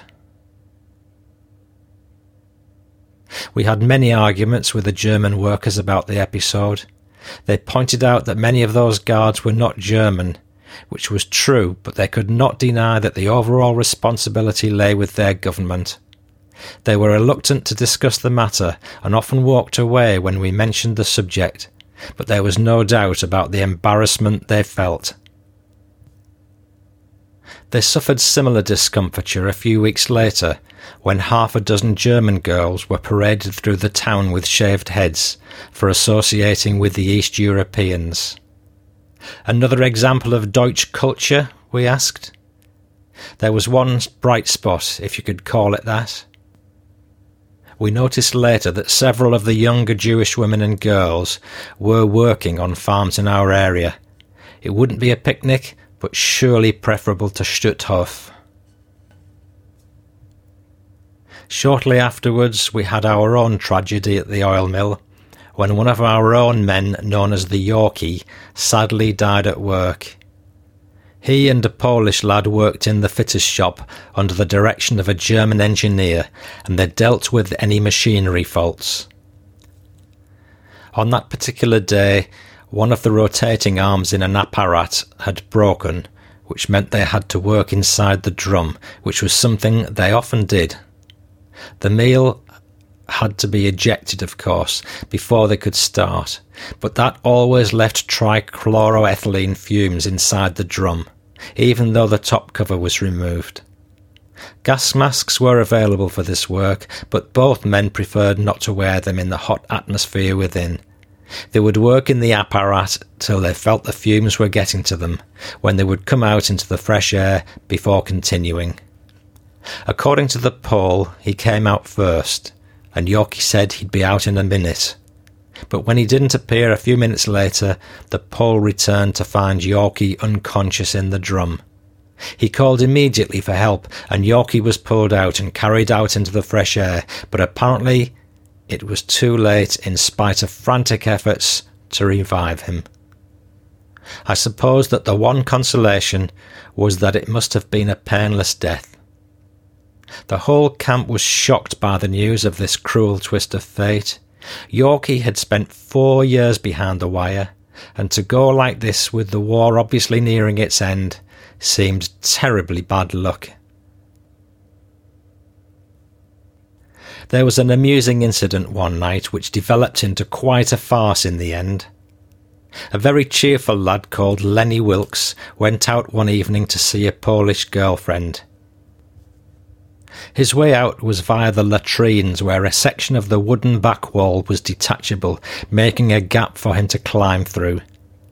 Then he had to step over the corner of the cesspit and underneath the outer wooden structure of the walls, which only reached about two feet from the ground, presumably to let air circulate around the pit, finally going out through the wire. He came back about 11 pm, while one of our oldest inmates, known as Jibby, was sat on the lavatory seat, underneath the loose boards, which came down with a resounding thud on his bald head as Lenny burst through. Jibby was still cursing as Lenny quickly replaced the boards and, apologising profusely, dashed through the long room to his bunk at the far end. According to Jibby, he was still rubbing his bald head when he heard peculiar noises coming from underneath his feet. He was still trying to work out what it was when suddenly a section of the floor lifted up, clouting him on the shins, and out of the hole crawled a German guard who quickly replaced the boards. He also apologized and ran into the long room where the lights were out by this time. But the guard had a torch and was able to follow Lenny's wet footprints to his bunk. He'd obviously lost his way beneath the floorboards and had accidentally found the alternative way out. Lenny was in the top bunk, and both he and the man underneath were snoring loudly. The guard disturbed the poor chap in the bottom bunk, first by whipping off his blanket and getting a mouthful of invective before deciding that this was not the man he was looking for. He then uncovered Lenny, who also protested vigorously. But although he'd managed to remove his jacket, he was still wearing his trousers and boots. Ah, said the guard, it was you, was it? But Lenny was not admitting anything, and protested that he did not know what the guard was talking about. By this time, we in that part of the camp were all awake and listening in on the dialogue when Lenny was asked why, if he was so innocent, why he was still wearing his trousers and boots. To which he replied, I just wanted to make sure that I'm not late for work in the morning. When the guard pointed out that the soles of his boots were still wet, Lenny still had an answer.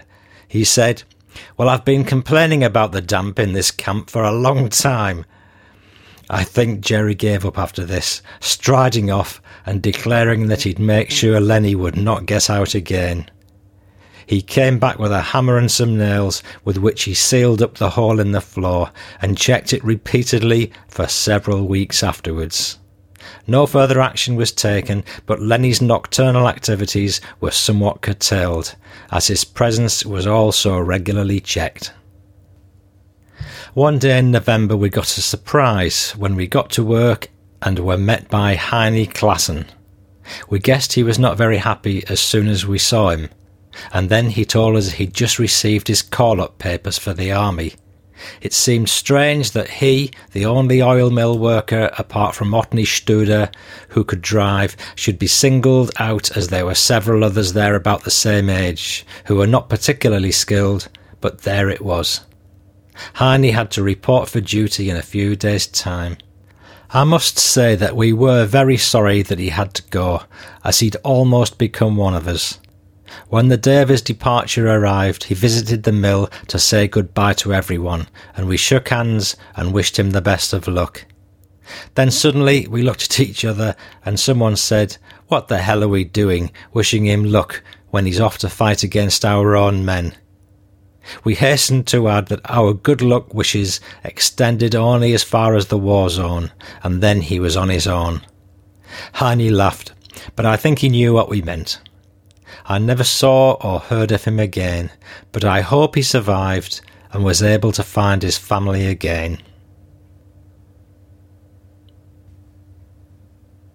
The breakout by the Germans through the Ardennes gave us a bit of a shock in December, but in spite of the optimistic outpourings of the Nazi media, we never seriously thought it was anything more than a last desperate effort, but still we were relieved when it was halted. Our news hound Archie was very busy at this time, so we were able to hear our side of the affair as well as the Germans' claim. Our Christmas festivities went off particularly well that year, in the knowledge that they were almost certainly the last we would celebrate in captivity, whatever happened from now on. The merriment was further boosted by supplies of schnapps from the Scottish lads at the distillery, I could never work out how they got away with so much, but I think they had some hold over the foreman there who was also on the fiddle. I remember one of them returning to the camp one evening, chuntering to himself, and I asked him what was the matter. He said, There must be some thieving bastards at that distillery. We've had a stock check today and there are 75 bottles missing, and I'm sure we haven't had more than 50 of them. Although things seemed outwardly normal in January, there was an atmosphere of tension about the place. Everyone knew the Russians were steadily approaching, but it was not until about the 22nd of January that we began to see real evidence of this, when people who are obviously refugees started to trickle through the town. Then, on the 24th, when the night shift was getting ready to go to work just before 10 pm, the door of our billet burst open, and in came the men from the afternoon shift in a state of great excitement. Russian tanks have entered Elbing, they shouted. The mill has closed down, and there's complete panic in the town. We were stunned.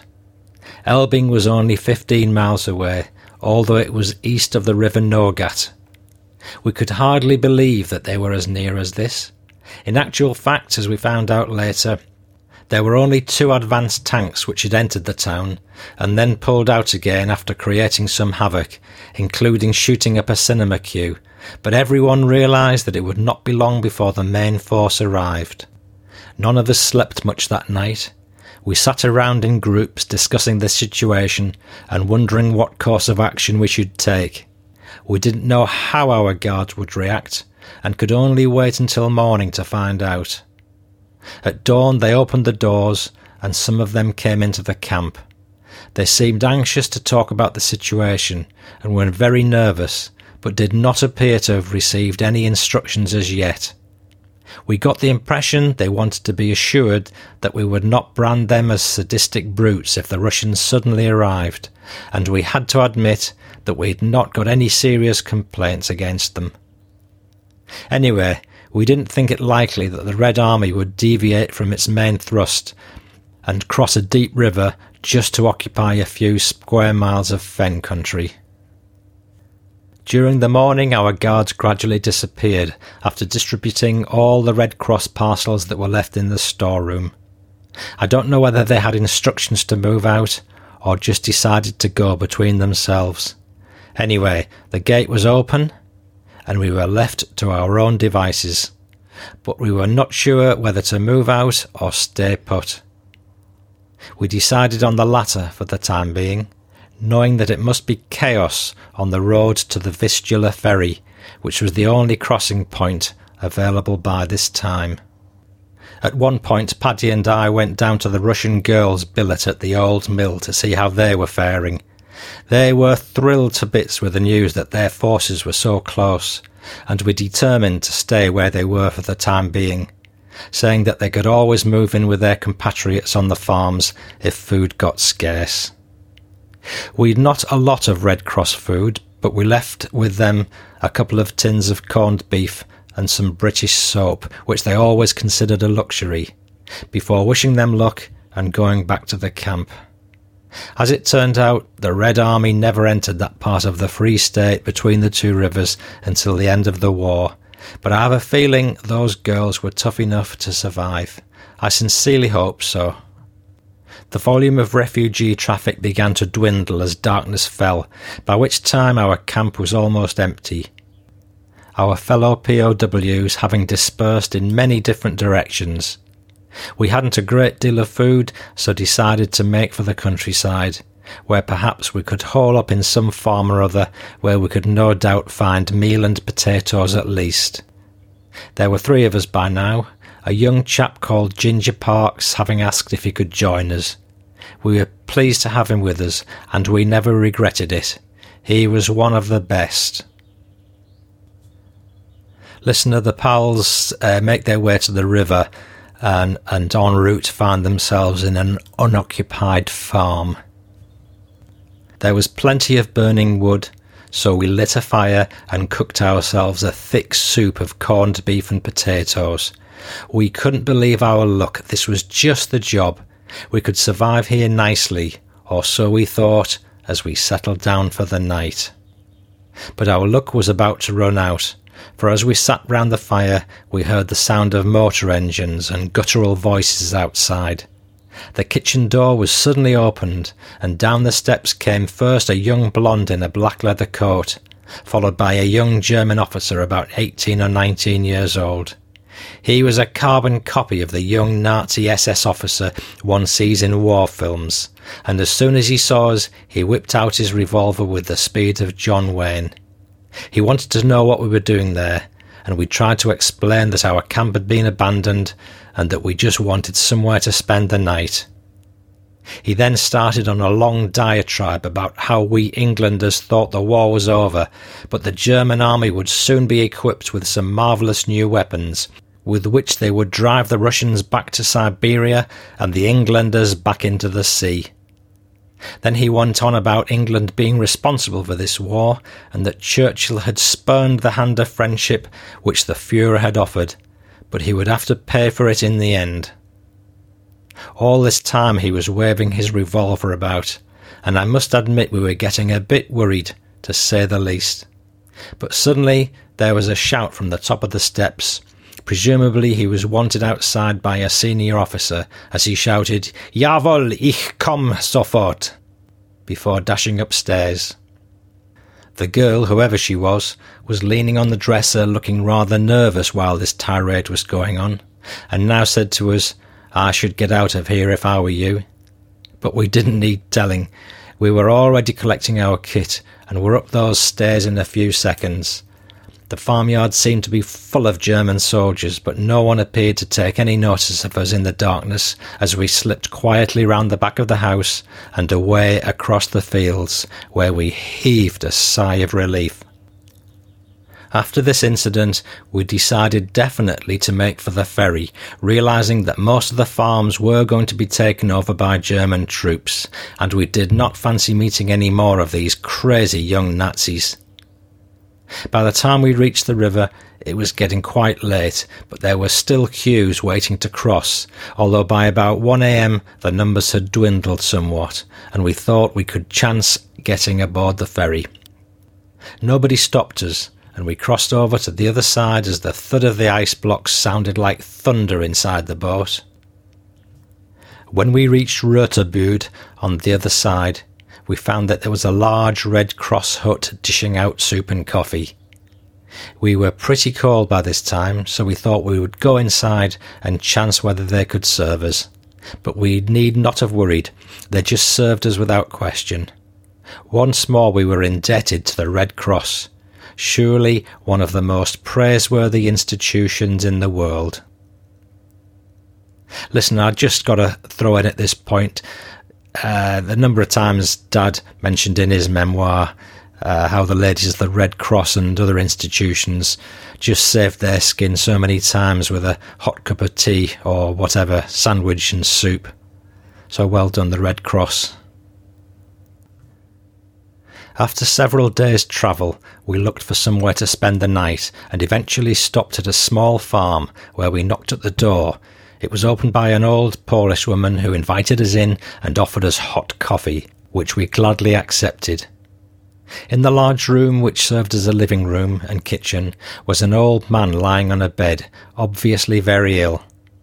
The old lady said she would like to have offered us accommodation inside the house, but with her husband so ill and the one bedroom occupied by her daughter, she hoped we would understand, but we were welcome to bed down in one of the outhouses. There was plenty of straw to hand, and we eventually settled down in a small shed, with us at one end and a goat at the other end, who eyed us with grave suspicion. But with abundant straw on top of about a foot of goat muck, it was quite warm, and we had a good night's sleep before taking to the road again in the morning after a hot drink. On another occasion, we settled down on our straw bed in a shed, all curled up around each other, and had a good night's sleep until we were awakened about 7 a.m. next morning, when the door opened and an oldish Polish man entered to get a pitchfork. He seemed surprised to see us, and as he departed with his fork, he said, Wait here, don't go away. Then, after a little while, the door was opened again by a pretty young Polish girl carrying a large jug of steaming hot coffee, which she handed to us and said, When you're ready, come up to the dairy for some breakfast. It began to look as though we'd picked the right place for our overnight stop. After drinking the coffee, we arrived at the dairy to find six or seven girls who had just finished hand milking and several young fellows. They welcomed us and told us to help ourselves to the porridge which was bubbling in a copper in the next room, and take what milk we wanted, as they had far more than they could use. We learned that their German masters had fled, and that they decided to take over and work the farm themselves, hoping it would stay that way when the Red Army arrived. They said we could stay on there if we liked, as they had plenty of food, we were very tempted, but decided to carry on westwards as planned, and eventually departed with some homemade bread, a bag of oatmeal, and some hard boiled eggs, for which we expressed our sincere gratitude, leaving behind some chocolate and cigarettes for our benefactors.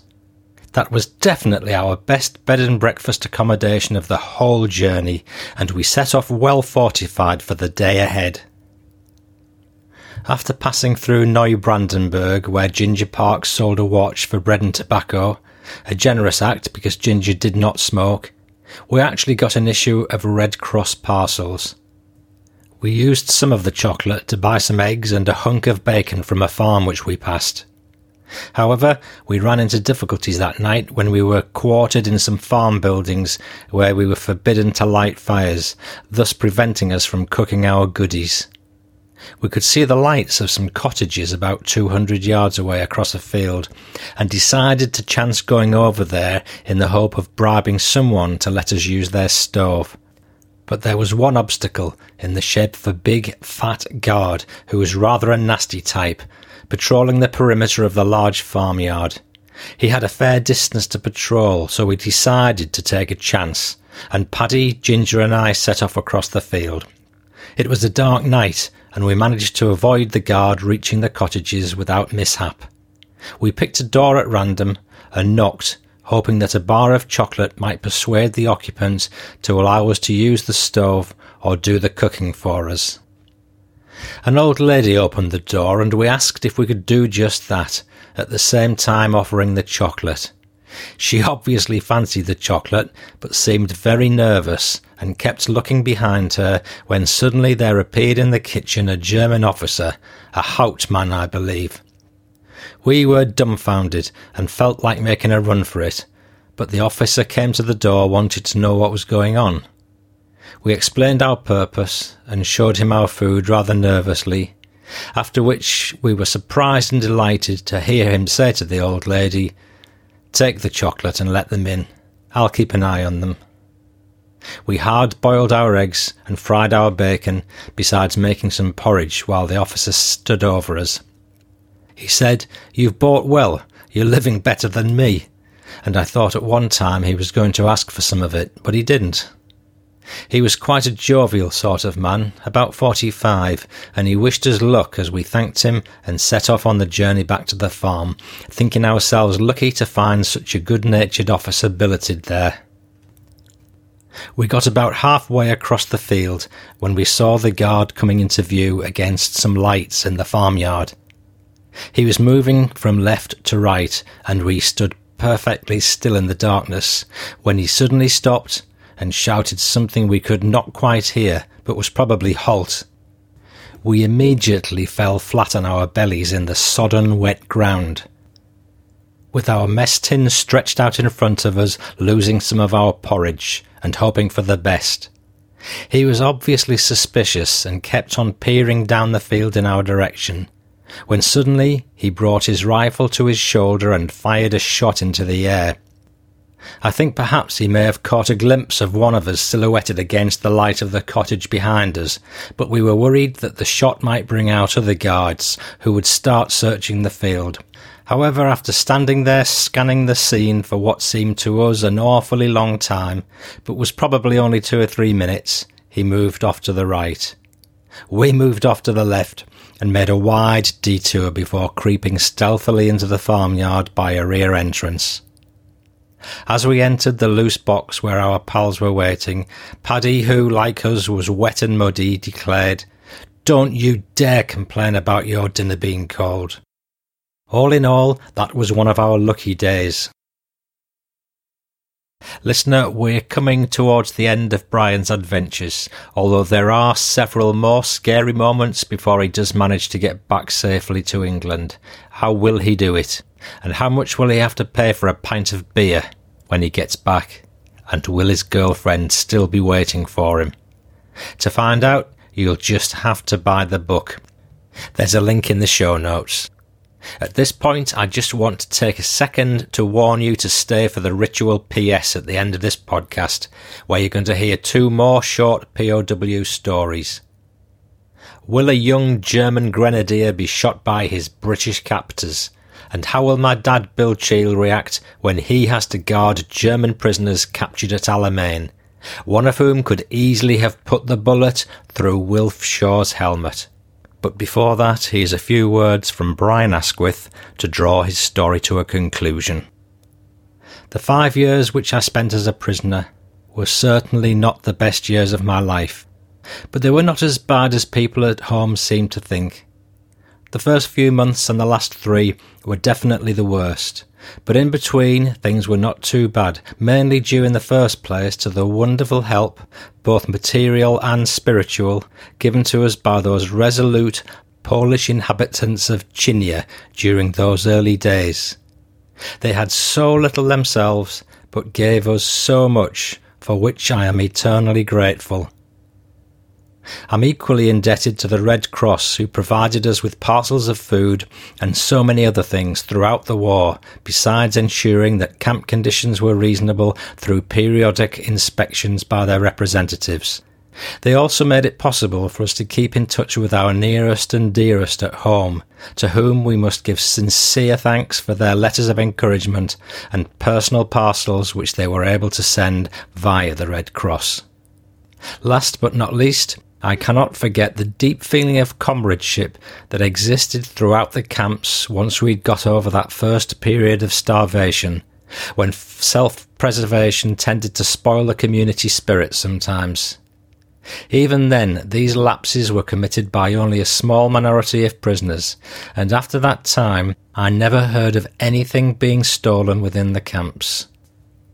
Regarding our treatment by the German authorities, I do not think, apart from a few isolated incidents, that we had a lot to complain about.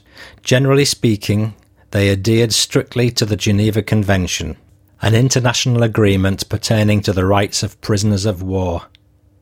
We were probably lucky in that most of our guards were men of mature age whose minds had not been so easily influenced by the so-called ideals of National Socialism as the younger generation had been. I always got the impression that the conventional Wehrmacht considered itself a cut above the various politically motivated forces, such as the SS and SA formations, and prided itself on its traditional sense of honourable behaviour and although it seems that these high principles took a tumble in some of the theatres of war, especially in the bitter fighting of the Eastern Front. But on the home front, I think the military hierarchy still clung on to those ideals. It was mainly the younger element which increased as the war progressed, who were thoroughly steeped in the Nazi ideology, which I suppose is not surprising considering the fact that they'd been under Hitler's influence for six years even before the war started. Fortunately, we never came into contact with the SS Waffen, Hitler's elite fighting forces, who were reportedly guilty of many atrocities, particularly on the Eastern Front. The Jews and the East Europeans, who were regarded by them as Untermenschen, seem to have been the main victims of their actions. And it surprised me to learn that by the end of 1944, more than a third of the SS Waffen were drawn from outside Germany, including Balts, Ukrainians, Russians, and others from the Balkan states. It does seem to suggest that Stalin was hated by some as much as Hitler was by others. Everyone knows about the Jewish Holocaust, but not so many realise how many others suffered too. For instance, more than three million non-Jewish Poles perished at the hands of the Germans or the Russians, as well as many other East Europeans. Those who survived were subjected to a life of virtual slavery, but to their eternal credit, not a life of misery. It still amazes me how they were able to sustain such an indomitable spirit of cheerfulness and optimism whilst living in such wretched circumstances, but most of them did, especially at weekends when the accordions and the violins were brought out. Quite a number of them worked in ones or twos on small farms, where some of them were lucky enough to find sympathetic employers, but most of them existed in camps on large holdings where their conditions were very basic. Their courage and fortitude is something I shall never forget, but my memories of them are saddened by the thought that most of them would never experience real freedom even when the war was over.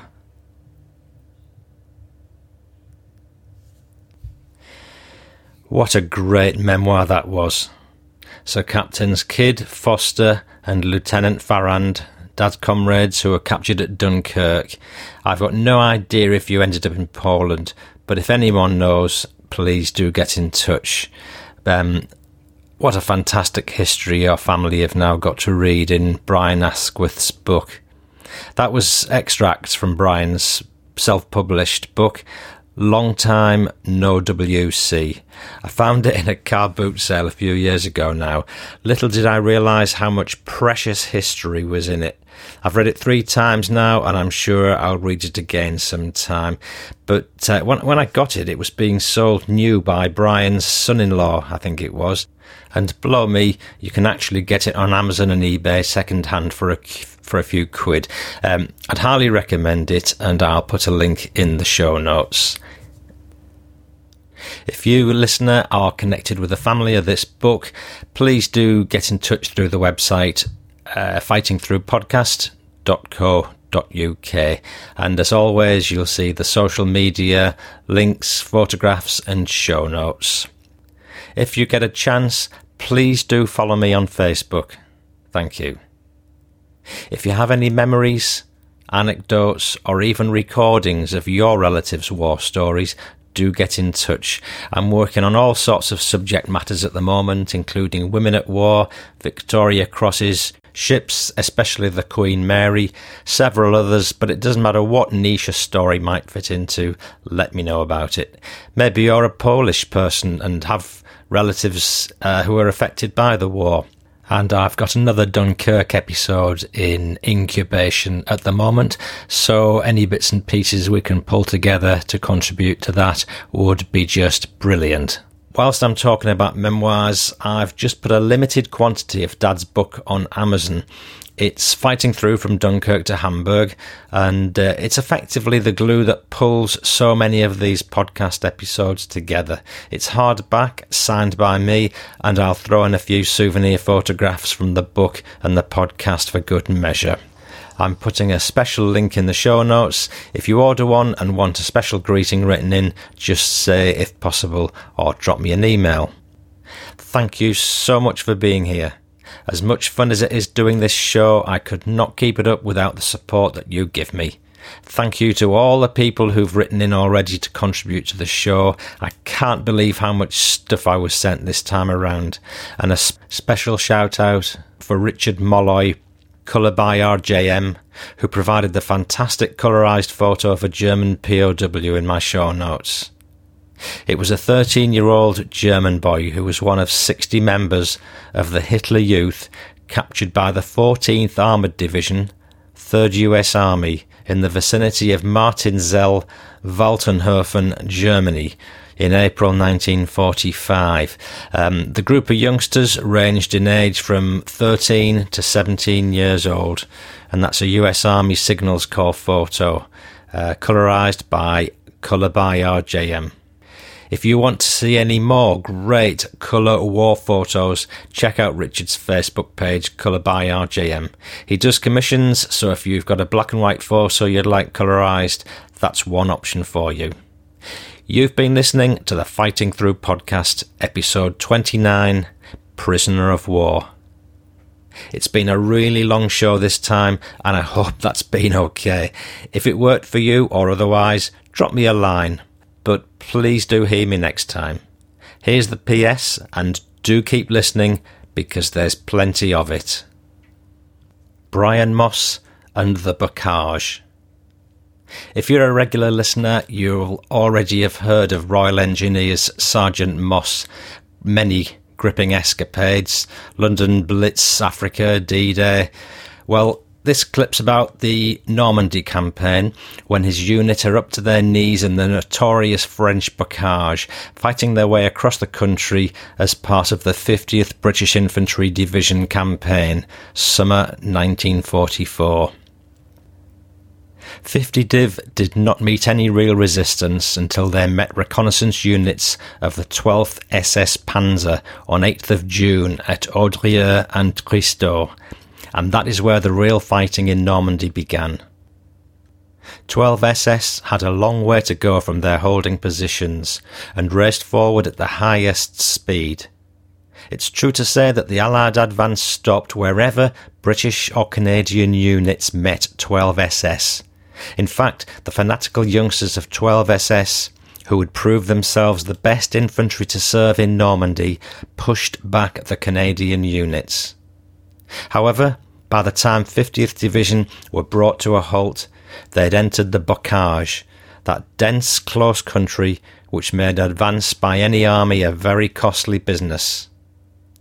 If we'd met 12 SS within a mile of the beach, that would have been the end of it all for there'd have been no space in which to deploy our artillery, the weapon that would destroy the panzers. We stayed in the field at Sommervieux for 36 hours and were then rushed forward to where my platoon was put in the line as infantry. We held a ditch for 24 hours at the edge of a wood, looking down across fields at a hamlet occupied by 12 SS. Elements of 2nd Essex were holding the ground on our left. Spandau fire crashed through the branches above our heads. We took one prisoner, a Panzer Grenadier, and Billy Balfour sat him blindfolded upon the back of our carrier. He seemed certain he was going to be shot. I filled my pint pot with tea and held it to his lips. He jerked back in panic. Then he realised what it was and drank thirstily. A tear came from under his blindfold and rolled down his dust covered cheek. Then he sobbed. He couldn't have been more than seventeen. Listener, that's just uh, one extract from this fantastic book. Uh, never published, um, but hopefully one day it will be. Um, that's Brian Moss of the Royal Engineers. And uh, if it ever is published, you'll hear about it here first, I promise you. PPS.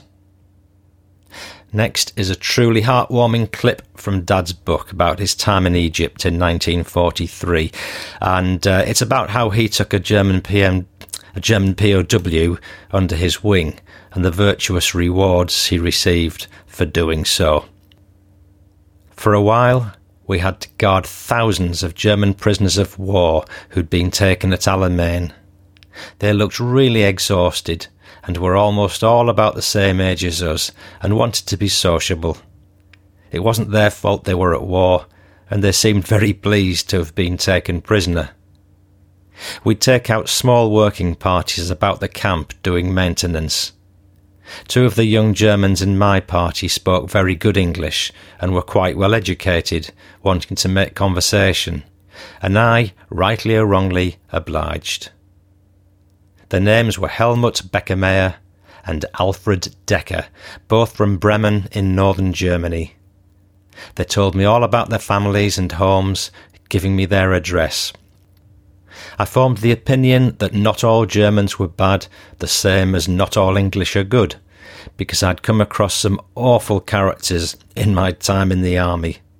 Granted, we were at war, but I felt that if I had been a prisoner of war, I would have appreciated my guard showing me some kindness. So my favourable reaction to the young Germans was to give them little treats like biscuits and chocolate. These were soldiers just like us, Wehrmacht, not SS. Eventually, I wrote to the parents of those boys, telling them that I'd met their sons and that they were alive and well and happy to have been taken prisoner. Apparently, they'd not known this news. The mother of Alfred Decker wrote back thanking me for my kindness and sent me their only photograph of Alfred. I still have that letter and snap among my souvenirs. God had been good to me, and I felt I was upholding my faith by being kind to those lads, and I never regretted the action I took. The letter read as follows Dear Mr. Cheall, I'm glad I'm finally able to thank you for what you've done for me.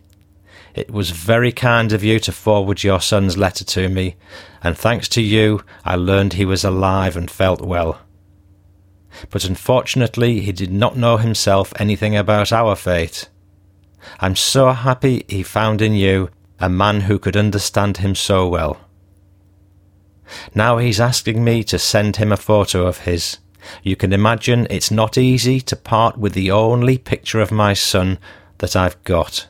But since Alfred told me you've treated him as a comrade, I will fulfill his wish. I'm hopeful that my son will soon be released and we shall see him again. Should you ever be in Bremen, you will always be welcome in my home. Yours sincerely, Family W. Bozinski, Alfred Decker's mother, Bremen. Listener, that's the end of Dad's official account of this episode in his war. But uh, I felt there was something left to explore, and that's what happened to Alfred Decker.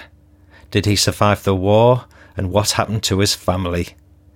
I did some research a few years ago and I tracked down a photograph of Alfred's grave on a German cemetery website.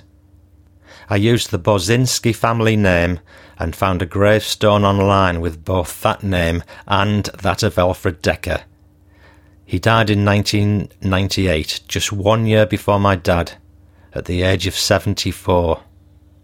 Now, after that, the trail went cold, um, but it does seem like all turned out well for the Bozinski family and Alfred. One day, I'd rather like to return to his family the only photograph that Alfred's mum had of him in 1943 but for now, that action point is just another item on my to do list. I have to say, I experienced a degree of comfort when I read the bits in Brian Asquith's memoir about the Wehrmacht and the kindnesses they offered the POWs. They didn't know at the time, but their acts of leniency were being repaid by my dad on the other side of the globe. I did a talk on Dad's book at a local historical society in England a few years back, and uh, I mentioned this story. And after I'd finished, a German lady came up to me to thank me and said she'd been very touched by Dad's kindness. How good is that? I'm Paul Cheall saying bye bye now.